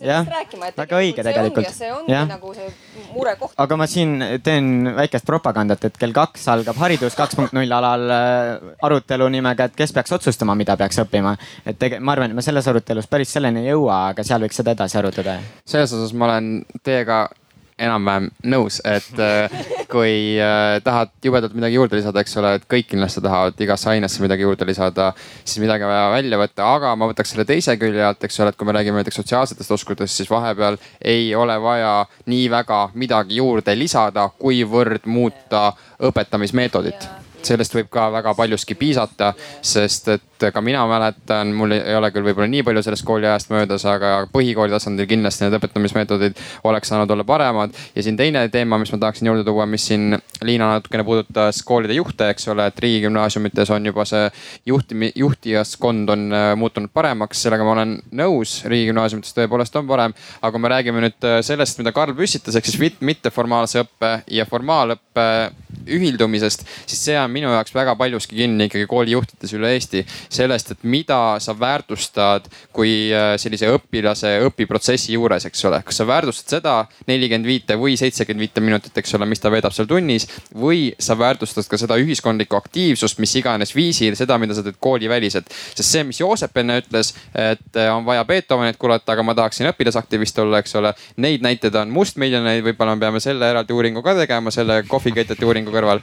Äh, et see on võib-olla nii-öelda järgmine tuleviku asi, mis kirja panna, aga tõepoolest sellise äh, aga ma panen kohe teema ka sisse, enne kui ma näen, et Lauri tahab juba hakata midagi ütlema.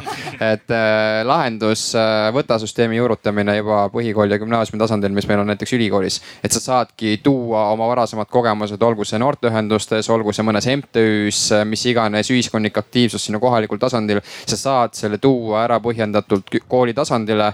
ma ei oska siin lahendust öelda, et kas see on ainult mingi hindest päästmine, see ei ole kindlasti lahendus, aga ühesõnaga, et see mingil määral soodustab sinu õpikäiku mul on üks lause no,, kuna ma tahan jätkata seda, seda vestlust, et äh, ma olen täitsa sellesama süsteemi poolt, et kui sotsiaalsed oskused näiteks tulevad koos õpetamisprotsessiga.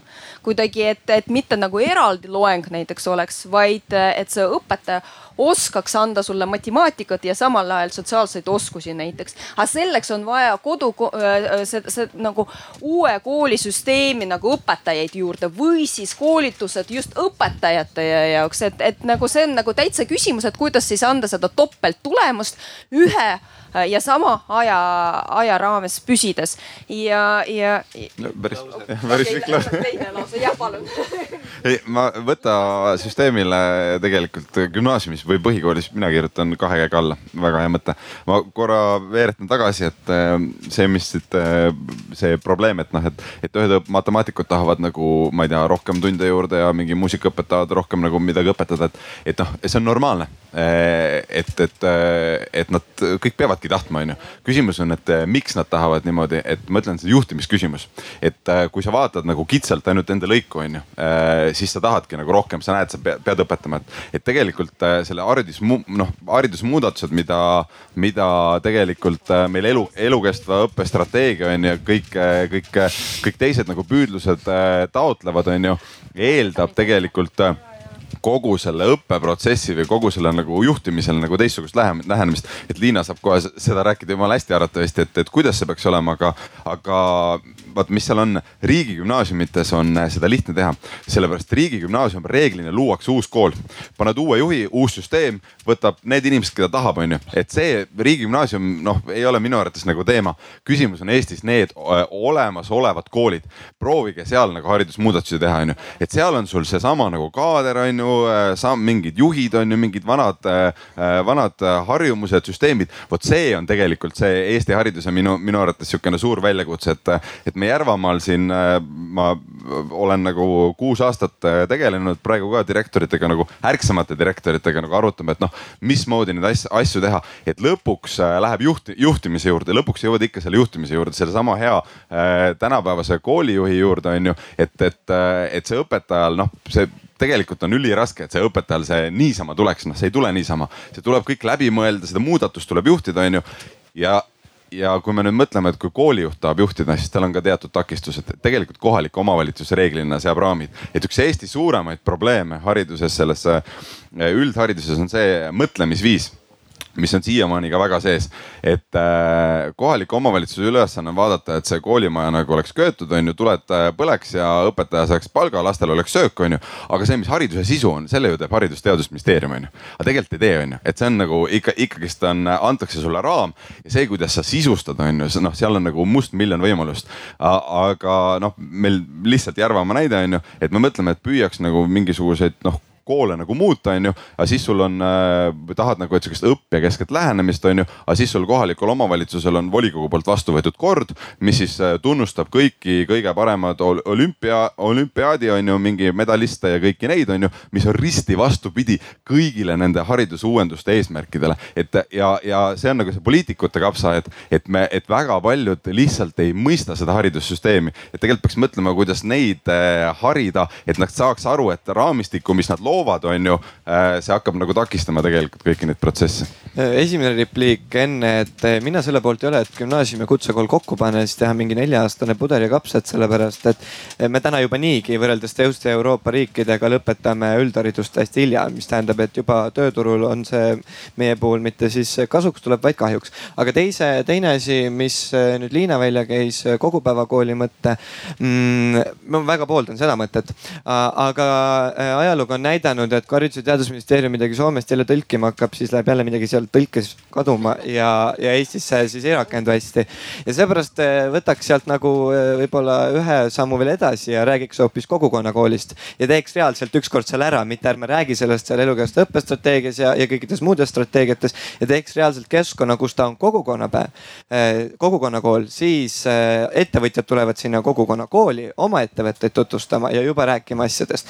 KOV on näiteks kaasatud kaasatud kasvõi nii palju, et kui sealsamas koolis toimuvadki need huviringid, siis KOV garanteerib selle, et ei pea juba kell kaks minema bussi peale, sest ma muidu ei jõua koju, vaid ma saan reaalselt seal huviringides istuda. nii et see tegelikult ongi niimoodi, et, et, et see kool eh, peab ka mõnes mõttes oma majast välja vaatama ja vaatama, kes tal seal ümber on. Tallinnas see tõesti pole võib-olla nii suur teema, sellepärast et Tallinnas on nii palju huviringe, Tallinnas on nii palju koole ja transpordivõrgustik on ka hea. aga just kui me räägime, et me tahame maapiirkonnas nagu elu arendada, arendada, siis see ongi oluline, et me reaalselt selle kogukonna kooli ükskord nagu ka teoks viime ma tahtsin öelda seda, et eh, vot kogupäevakooli mõte on just see, et eh, see nii-öelda aine õppimine ja huviharidus ei oleks mitte vaheldumisi, vaid nad oleks integreeritud ja noh, see nõuab eh, spetsiaalseid oskusi ka õpetajatelt. aga siin kõlas, et, et, et kui meil on valida, kas Beethoven või vabatahtlik töö, et siis justkui ei tohiks valida vabatahtlikku töö, siis minu meelest meie haridussüsteem peaks liikuma selles suunas, mida me oleme siin rääkinud ka, et seal oleks suuremat paindlikkust ja selle eh, õppimise juht peab olema õppija.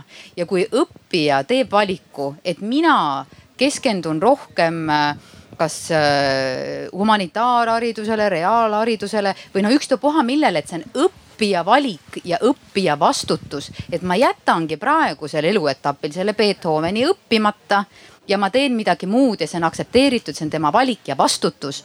aga eh, haridussüsteem peab olema nii palju paindlik, et kui ühel hetkel see õppija tahab eh, õppida ka Beethovenit, siis ta saab seda teha muidugi on see seotud mingisuguste miinimumstandarditega, aga õppija peaks olema reaalselt oma õppimise juht ja seda mitte ainult äh, gümnaasiumi tasemel, vaid juba kindlasti ka nii-öelda progümnaasiumi tasemel. Äh, seitsmes, kaheksas, üheksas klass kindlasti, aga, aga miks mitte ka juba varem. see oli see mõte ja, ja juhtimise koha pealt tahtsin ma öelda, et me peame arendama äh, noortes juhtimisoskusi ja tõstatas küsimus, aga keda kõik need juhid siis juhtima hakkavad.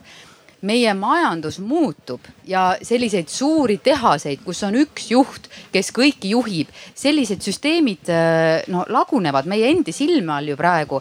Ja juhi oskused tähendabki seda, et täna olen ma juht, ma juhin projekti aga homme võin ma olla või ka sama päeva teises pooles olla teises projektis oma mingi kindla ülesandega nii-öelda alluv. et see süsteem on nii palju muutunud ja juhi omadused või ja juhi oskused tulevad igal juhul kindlasti kasuks nii. ma näen kohe Viktor. ma noogutan siin sellepärast, et siin tekib see küsimus lihtsalt, et äh, kui me tõepoolest mõtleme selle peale, et igaüks meist saab olla juht igaüks saab meist olla juht, siis lõppkokkuvõttes, kes sulle kodus remonti hakkab tegema kümme aasta pärast, päriselt. et selles mõttes, et meil reaalsed käteoskused lähevad kaotsi ja aina rohkem need, need lähevadki kaotsi.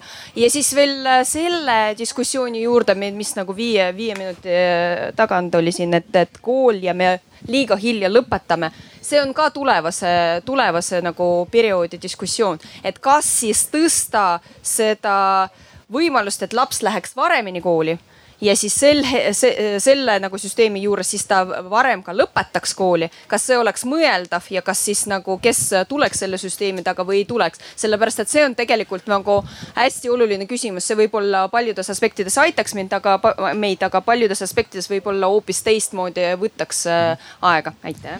nii, kuna teil on nagunii tavaks juba võtta minust kaks eelmist küsimust ka ette, et siis ma lihtsalt viskan selle viimase õhku, et siis te nagu teate, et kunagi jõuate selleni ka välja see haakub sellega, et kui me vaatame seda tänase arutelu pealkirja noored versus otsustajad, siis juba sinna sisse on kodeeritud see versus ehk siis see kohe see vastandumine. siit eelnevalt kõlas ka seda, et, et miks te siis õigel ajal ei käinud jalgu trampimas või miks te siis ei teinud seda, onju et minu meelest, äh, kui me vaatame üldse seda nagu noorte kaasatust, et noh, see kõlab hästi imalalt, et noored on meie tulevik ja me peaksime kohe hakkama selle tulevikku tegutsema.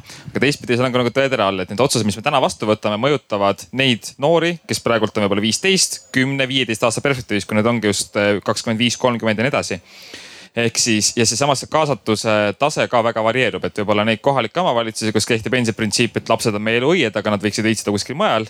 kuldustsitaat Lauluväljakult kuni siis selleni, et, et tõesti nagu taaskord reklaamipaus, et eh, hiljuti viidi läbi selline mõjuanalüüs Eesti noorteühingute või noorteühenduste sellise eh, potentsiaalse mõju kohta. sealt tuli välja, et noortel on tegelikult, mida öelda, lihtsalt, mis on need kaasamise vormid ja kanalid kus ma selle asjaga jõuda tahan, on see, et, et kuidas te näete, et me istume praegult siin koos, paneme paika justkui ootuseid et kuidas nüüd järgmise nelja aasta jooksul oleks võimalik sellist järjepidevat koostööd teha, et, et mitte ainult Riigikogus, vaid ka väljaspool seda, et, et noorte arvamus jõuaks kuhugi välja. kas te, kas te näete, et siin on see probleem, et meil on võib-olla kõik hästi hoopis või vastupidi, et meil on väga suur arengumaa minna, koolidemokraatia haakub selle kõik muu, et. ma umbes sellest tahtsingi juba enne su küsimust rääkima hakata.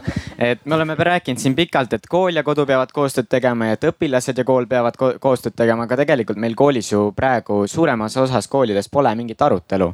meil on, keegi võtab otsused vastu ja nii on, et meil ei ole sellist ühist diskussiooni, et milline meie kool peaks olema kogukond ei aruta, ei võta otsuseid vastu, vaid võtab keegi ülevalt poolt selle otsuse vastu. see võib olla siis õppealajuhataja, direktor või kohalik omavalitsus.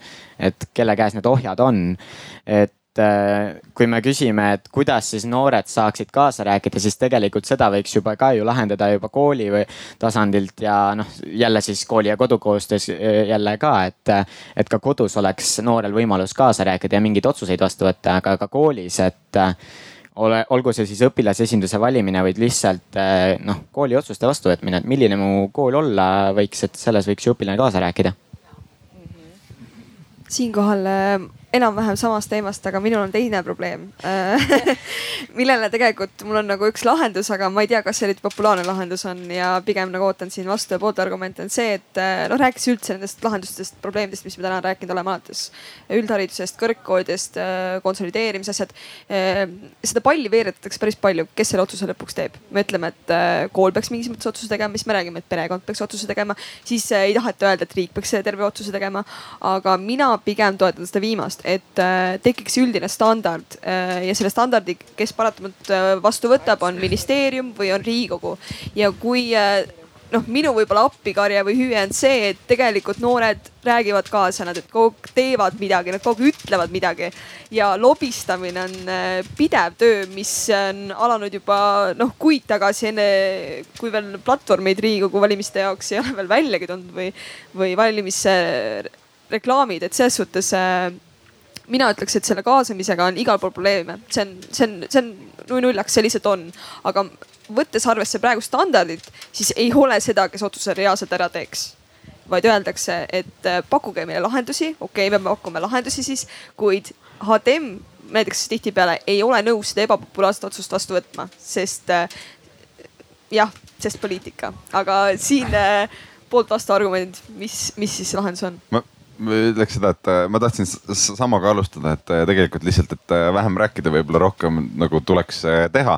et, et aga noh, seal arvatavasti, kui sa küsid nagu niimoodi hästi üldiselt on väga keeruline vastata, et seal on nagu sada noh miljonit mingit asja on ju või võib-olla taga, et.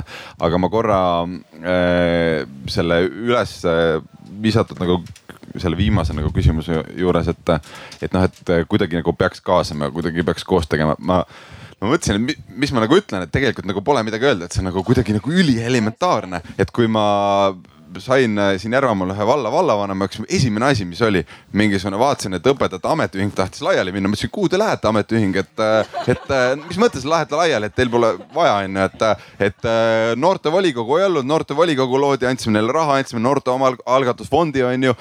õpilasesindus, mingisugune, panime kooli juurde, juurde raha nagu sellele õpilasesindusele, kõigele sellele, et see on selles mõttes elementaarne küsimus on, kuidas sa nagu juhid midagi et, äh, et ühtemoodi sa võid näha mingeid konkurente või äh, vastikuid äh, kiusajaid, aga teistmoodi nad on su partnerid, on ju. Nad ongi need, kellega sa koos saad arutada, et kui sul kedagi ei ole, kellega koos arutada või, või kellega koos teha, no kus kohta sa nagu jõuad, et, et minu arvates ülielementaarne asi, noh, et ma ei, ma ei, ma ei teagi nagu, et mis siin arutada, siis tuleb teha lihtsalt. ma arvan, et ma võin vastata sinu küsimusele, sellepärast et see küsimus on hästi oluline ja, ja ma olen absoluutselt sinuga päri, et sisuliselt terve haridussüsteemi eest vastutab haridusministeerium äh, ja see, et meil peaks olema üldine strateegia, mis on seal paika pandud ja siis tänu sellele terve haridussüsteem toimib ja sellepärast ilmselgelt eelkõige peaks rääkima haridusministeeriumiga nagu konkreetsetel teemadel, aga mitte ainult, kuna haridusministeerium ja haridusminister on ikkagi, meil on parlamentaarne riik, on kultuurikomisjoni all sisuliselt, siis tegelikult oma mingisuguste konkreetsete ideedega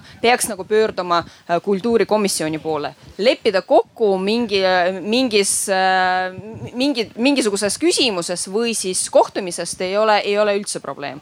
tegelikult ei ole sellepärast et noh, paljud näod on minu jaoks tuttavad. Te võiksite ja, mu maikuusele meilile ja, ka vastata, mis ma teile saatsin. sellele ma väga hea, väga terav, tead, kui palju tuleb neid meile? väga palju, aga selles mõttes, et nagu pöörduda kultuurikomisjoni poole võib ja peab ja sealt äh, lahendada neid, neid asju, aga mitte ainult ma räägin ka oma kogemusest, et siis, kui mulle tundus, et minu äh,, minu arvamus jääb kuskile kautsi, et mulle tundus, et justkui täpselt samamoodi lobisemisest on palju, aga justkui nagu mitte midagi ei hakka kasvama selle pinna peal. ma olin ajakirjanik, väga hästi palju kirjutasin äh, mingisugustest integratsiooni lõimumisteemadel ja mulle tundus, et poliitikud lihtsalt ei võta vastu mitte midagi. siis mida ma tegin, läksin poliitikasse ja kahe aastaga realiseerisin seda ideed, millest ma kogu aeg rääkisin. lihtsalt võib-olla mingi hetk tuleb ennast kokku võtta, minna ja teha ise. ja siis kas siis, äh, kas siis, äh, kas siis niimoodi või siis suhelda nendega, kes, kelle kaudu te näete, et on võimalik realiseerida teiepoolseid ideid? mis on meil see probleem praegu, on see, et Lauri näitel on meil üks progressiivne, positiivne juht, kes teab, mis on kaasamine ja teab, et see on nagu loogiline osa otsustusprotsessist, eks ole. meil on igasugused head kaasamise tavad olemas, mida, mis on sihuke nagu aabit, et sa korra loed läbi ja siis ta läheb, eks ole. et nagu seda ei ole võib-olla rohkem vaja aga mis on see probleem, ongi see, et kas me võtame kaasamist kui loogilise osana protsessist, sellepärast et see tekitab laiema ringkonna sisendi, millega omakorda see dokument või protsess on suure tõenäosusega sisukam, eks ole. või me võtame seda nii-öelda takistust, mis võtab mul võib-olla nädal aega rohkem aega, mille tõttu mul ka otsus venib nüüd selle kaasamisprotsessi osas eile oli arutelu Eesti kakskümmend kolmkümmend viis teemal, et milline see tulevik siis peaks olema, mida me eeldame väga lihtne asi, mis tegelikult ei ole nagu üldse tulevikku vaatav, mis on positiivne osaluskogemus Äh, on see, et sul on vaja tagasisidestada seda sisendit, mis sulle antakse. ja see ei ole nii eagrupist tegelikult, noortel küll eriti kindlasti, aga see ei ole nii eagrupist. teoorias sul peaks olema nähtav see nii-öelda ajaperiood, kui sa andsid sisendi, kui seda otsust tehakse ja mis sellest otsusest sai. ehk siis sa peaksid suutma järgida või vähemalt see, kelle poole sa pöördusid, peaks sulle andma äh, tagasi informatsiooni, et mis selle otsusega tehti, kas selle otsusega üldse midagi tehti, eks ole. või ongi kohaliku tasandi pro probleemid ongi need, et noored vaatavad, et midagi ei tehta. me korraldame näiteks E4-ga paneeli, eks ole, toome need vallajuhid ja noored kokku, noored küsivad, et mis värk selle raudtee ülesõiduga on siis, eks ole, öeldakse, et aga tegelikult meil on nüüd see oktoobris plaanis juba, eks ole, aga lihtsalt noorteni ei jõua see info. sellepärast, et see vastamisperiood võtab kaua aega või eeldatakse, et ei pea vastama, sest meil on ju kodulehel kõik olemas, eks ole. see on see küsimus, kas me anname tagasisidet sellele sisendile, mis sulle antakse ja ma tahaks veel öelda võib-olla seda, et, et loomulikult me kõik noorteorganisatsioonid käime igal pool lauda taga rääkimas ja istume seal tähtsate nägudega, aga reaalselt äh, ma arvan, me kõik oleme tundnud vahel seda, et, et meid lihtsalt kutsutakse sinna selle jaoks, et nagu see rist kirja saada ja siis ongi noortevaldkonna strateegias äh, nagu punkt täidetud. ja vot see on võib-olla isegi üks peamiseid probleeme, et, et ma, ma isegi, isegi ütleks siis, et noh, et kui sa tegelikkuses ei taha kutsuda, no siis ära kutsu, eks ole, jäta kutsumata ja tehke seal omi asju, aga, aga teine jällegi üles üleskutse on see, et, et ei ole vaja nagu äh, tulla eelarvamusega. Äh, selles mõttes, et tegelikkuses äh, sellele samale komisjonile või grupile oleme ju mõnes mõttes tasuta tööjõud. et kuula need mõtted ära, äkki tuleb hoopis midagi huvitavat ja head ikkagi välja. et ma kindlasti nendele ametnikele, kes teevad või kes on võtnud oma eesmärgiks selle, et ma kutsun neid selle jaoks, et punkt täide saada, et siis mõelge veidi laiemalt. üleskutse on ka see, et mu nimega Immo Roger Hartil on sihuke kaasamisredel, ma arvan, paljud on kuulnud sellest, et kui me väldiks seda esimest osa nendest räppidest oleks juba päris hea siin on ka see huvitav, vabandust, Karl, et esiteks lohutuseks ei ole ainult riigi tasandil ülikool samamoodi teeb seda, aga ülikoolil on tegelikult ju määratud otsust kogudes peab üliõpilased olema, aga seal samamoodi linnuke kirja, kas te kohal käisite. siinkohal ma lihtsalt, minu nagu üks põhimõtteid on see, et tihtipeale ka just hiljuti teaduskonnas öeldi, et aga tulge kohale, tegime suure ühispöördumise me ikka nagu initsiatiivikalt ei saa, aga tulge kohale, öelge, mis need lahendused on. vaata, see on see kaasamisvorm, mida ma nagu mingis mõttes äh, ei salli, et, et, et äh, see koos mõtlemine, koos tegemine, tegelikult kõik ongi võrdsed partnerid, me tuleme kohale, me koos mõtleme tegelikult, et okei okay,, me kõik teadvustame, see on probleem. nii, aga räägime nüüd, et mis okei okay, pakub näiteks õppejõud seal mul on kõrgharidus väga taust praegu taga, seepärast toon näiteid, aga pakub õppejõud, seal mõne lahenduse pakub õpp, üliõpilane ja vaatame, kus on see ühisosa, see kompromiss. sest tegelikult me kõik peame lõpuks kompromissi tegema, me ei saa ideaalset lahendust ei üliõpilasele, ei õppejõule, aga kui me nagu suudame kompromissi teha ja mõlemad nagu teadvustada seda sellele, et see ei ole ainult kivi või nii-öelda, see ei ole selle kapsa ees, et ainult üliõpilane peab ütlema, mis peab paranema, vaid me kõik peame, meie kõigi vastutus on see. no see, et mingisugused asjad jäävad märkamata, see ei vasta tõele. tegelikult, et paljud asjad asjad võetakse töösse, see, et sulle koheselt keegi ei reageeri näiteks sinu pöördumisel, see veel ei tähenda, et see jäi märkamata, esiteks. teiseks, juhul kui kutsutakse lauda, ma väidan teile, et ikkagi kultuurikomisjonis mitte lihtsalt niimoodi galotška pärast asju ei tehta. ja kuna teemasid on tõepoolest hästi palju, siis võib-olla mõnikord võetakse vastu räägitakse ja jätakse nagu midagi enda tea, endale teada, aga koheselt mingisuguse otsusega ei tulda välja. võib-olla niimoodi, aga võib-olla ka see, et lihtsalt teiepoolne lahendus ei ole see lahendus mis on koheselt vastuvõetav. võib olla niimoodi, et lihtsalt on olemas ka ideede konkurents ja, ja, ja kultuurikomisjoni liikmete näiteks äh, arvamusel on see pilt tunduvalt laiem. Ja siis teiepoolne nagu ettepanek on siin kuskil, aga on olemas ka veel teised grupid, kes ka räägivad samal teemadel. Ja neil on hoopis teine arusaam. selleks, et kokku panna seda pilti, selle peale tõepoolest läheb palju aega, selle peale tõepoolest äh, no toimuvad igasugused erinevad kohtumised, miks ma ütlesin, et näiteks kutsehariduse teemadel reaalselt no umbes no aasta aega kohe kindlasti erinevad kohtumised toimusid. Kõikide valdkondade inimestega, kes on ha haaratud või kes on seotud selle, selle kutseharidusega. nii et see võtab, aga ikkagi rääkimine ja, ja, ja kokkusaamine on antud juhul kõige olulisem, sellepärast et lihtsalt kui sa kirjutad, noh okei okay,, väga palju aitäh, äh, mina hea meelega jätkaks seda arutelu veel umbes sama kaua, kui meil poolteist tundi on juba olnud. aga kuna järgmised arutelud tulevad peale, siis äh, ma saan aru, et ma teen ühe vea olen ka teinud. ma uue andmekaitse regulatsiooni valguseks pean hoiatama, et kõike, mida te räägite, Mikk jäädvustab. ehk siis Mikk on tegelikult paar mõtet kirja pannud ja ma annaks korra sõna temale, et ta võtab selle arutelu nagu kokku, et mis meil siit siis kõlama jäid ja mis võiksid olla need potentsiaalsed soovitused äh, otsustajatele väga hea, aitäh. ma siin nii vahepeal käisin ära ka, nii et kõike võib-olla kirja ei saanud, aga esimese, kui me räägime siis konkreetselt äh, õpingute ja töö ühildamisest, siis vähemalt osapooled äh, suuresti osas äh, nõustusid sellega, et meil on koormus suur praegu tudengitel ja võiks rakendada just sihukest paindlikumat tööviisi ja erinevate siis kas ainete võtmist teistest ülikoolidest ja isiklikku sellist tööplaani, et ei oleks siis otseselt mingi prioriteet, kas siis otseselt töö või, või kool, et oleks nii-öelda selline balanss mõlema vahel, et selline süsteemide ühildamine, siis muidugi praktikatest rääkides äh, äh, pigem äh, osad nõustusid siin, et võiks ettevõtja rohkem siis nii-öelda seda väärtustada, et siis noortel makstakse see vahe kinni, need kulutused, mis tulevad.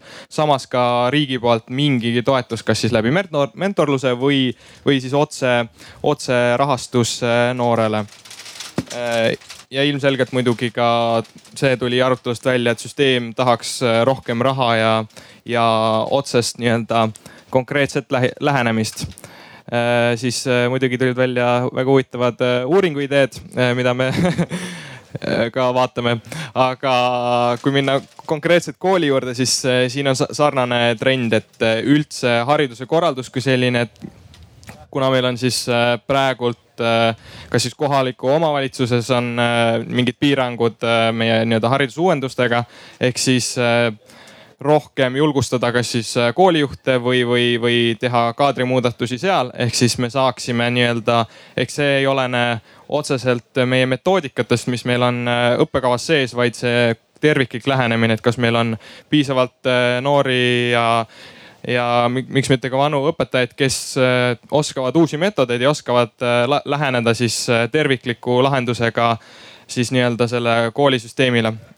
muidugi ka võtasüsteemi varem rakendamine, mis tuli juba siin välja, et miks mitte juba põhikoolis seda rakendada. ja ka nii-öelda osaluse koha pealt, kui me lõpparutelus siin rääkisime, et et võiks siis süsteemsemalt kaasata, nagu, nagu Markus mainis ka, et mitte lihtsalt kaasamise pärast, vaid kui on mingi sisuline teema äh, ja otseselt ka, et seda kaasamist kultuuri siis nii omavalitsustes kui, äh, kui ka riigi tasandil juurutada selliselt, et äh, meil oleks jällegi terviklik lähenemine, et see oleks elementaarne. otseselt seda ei tulnud vist välja, et süsteem peaks olema nagu kohustuslik, aga enda initsiatiiv poliitikute poolt peaks olema prioriteet, et me kaasame selleks, et muuta nii-öelda paremaks otsuseid, mitte kaasamise pärast. Nii, aitäh! Ja ma palun aplausi ka meie kaasarääkijatele, mõtlejatele, aitäh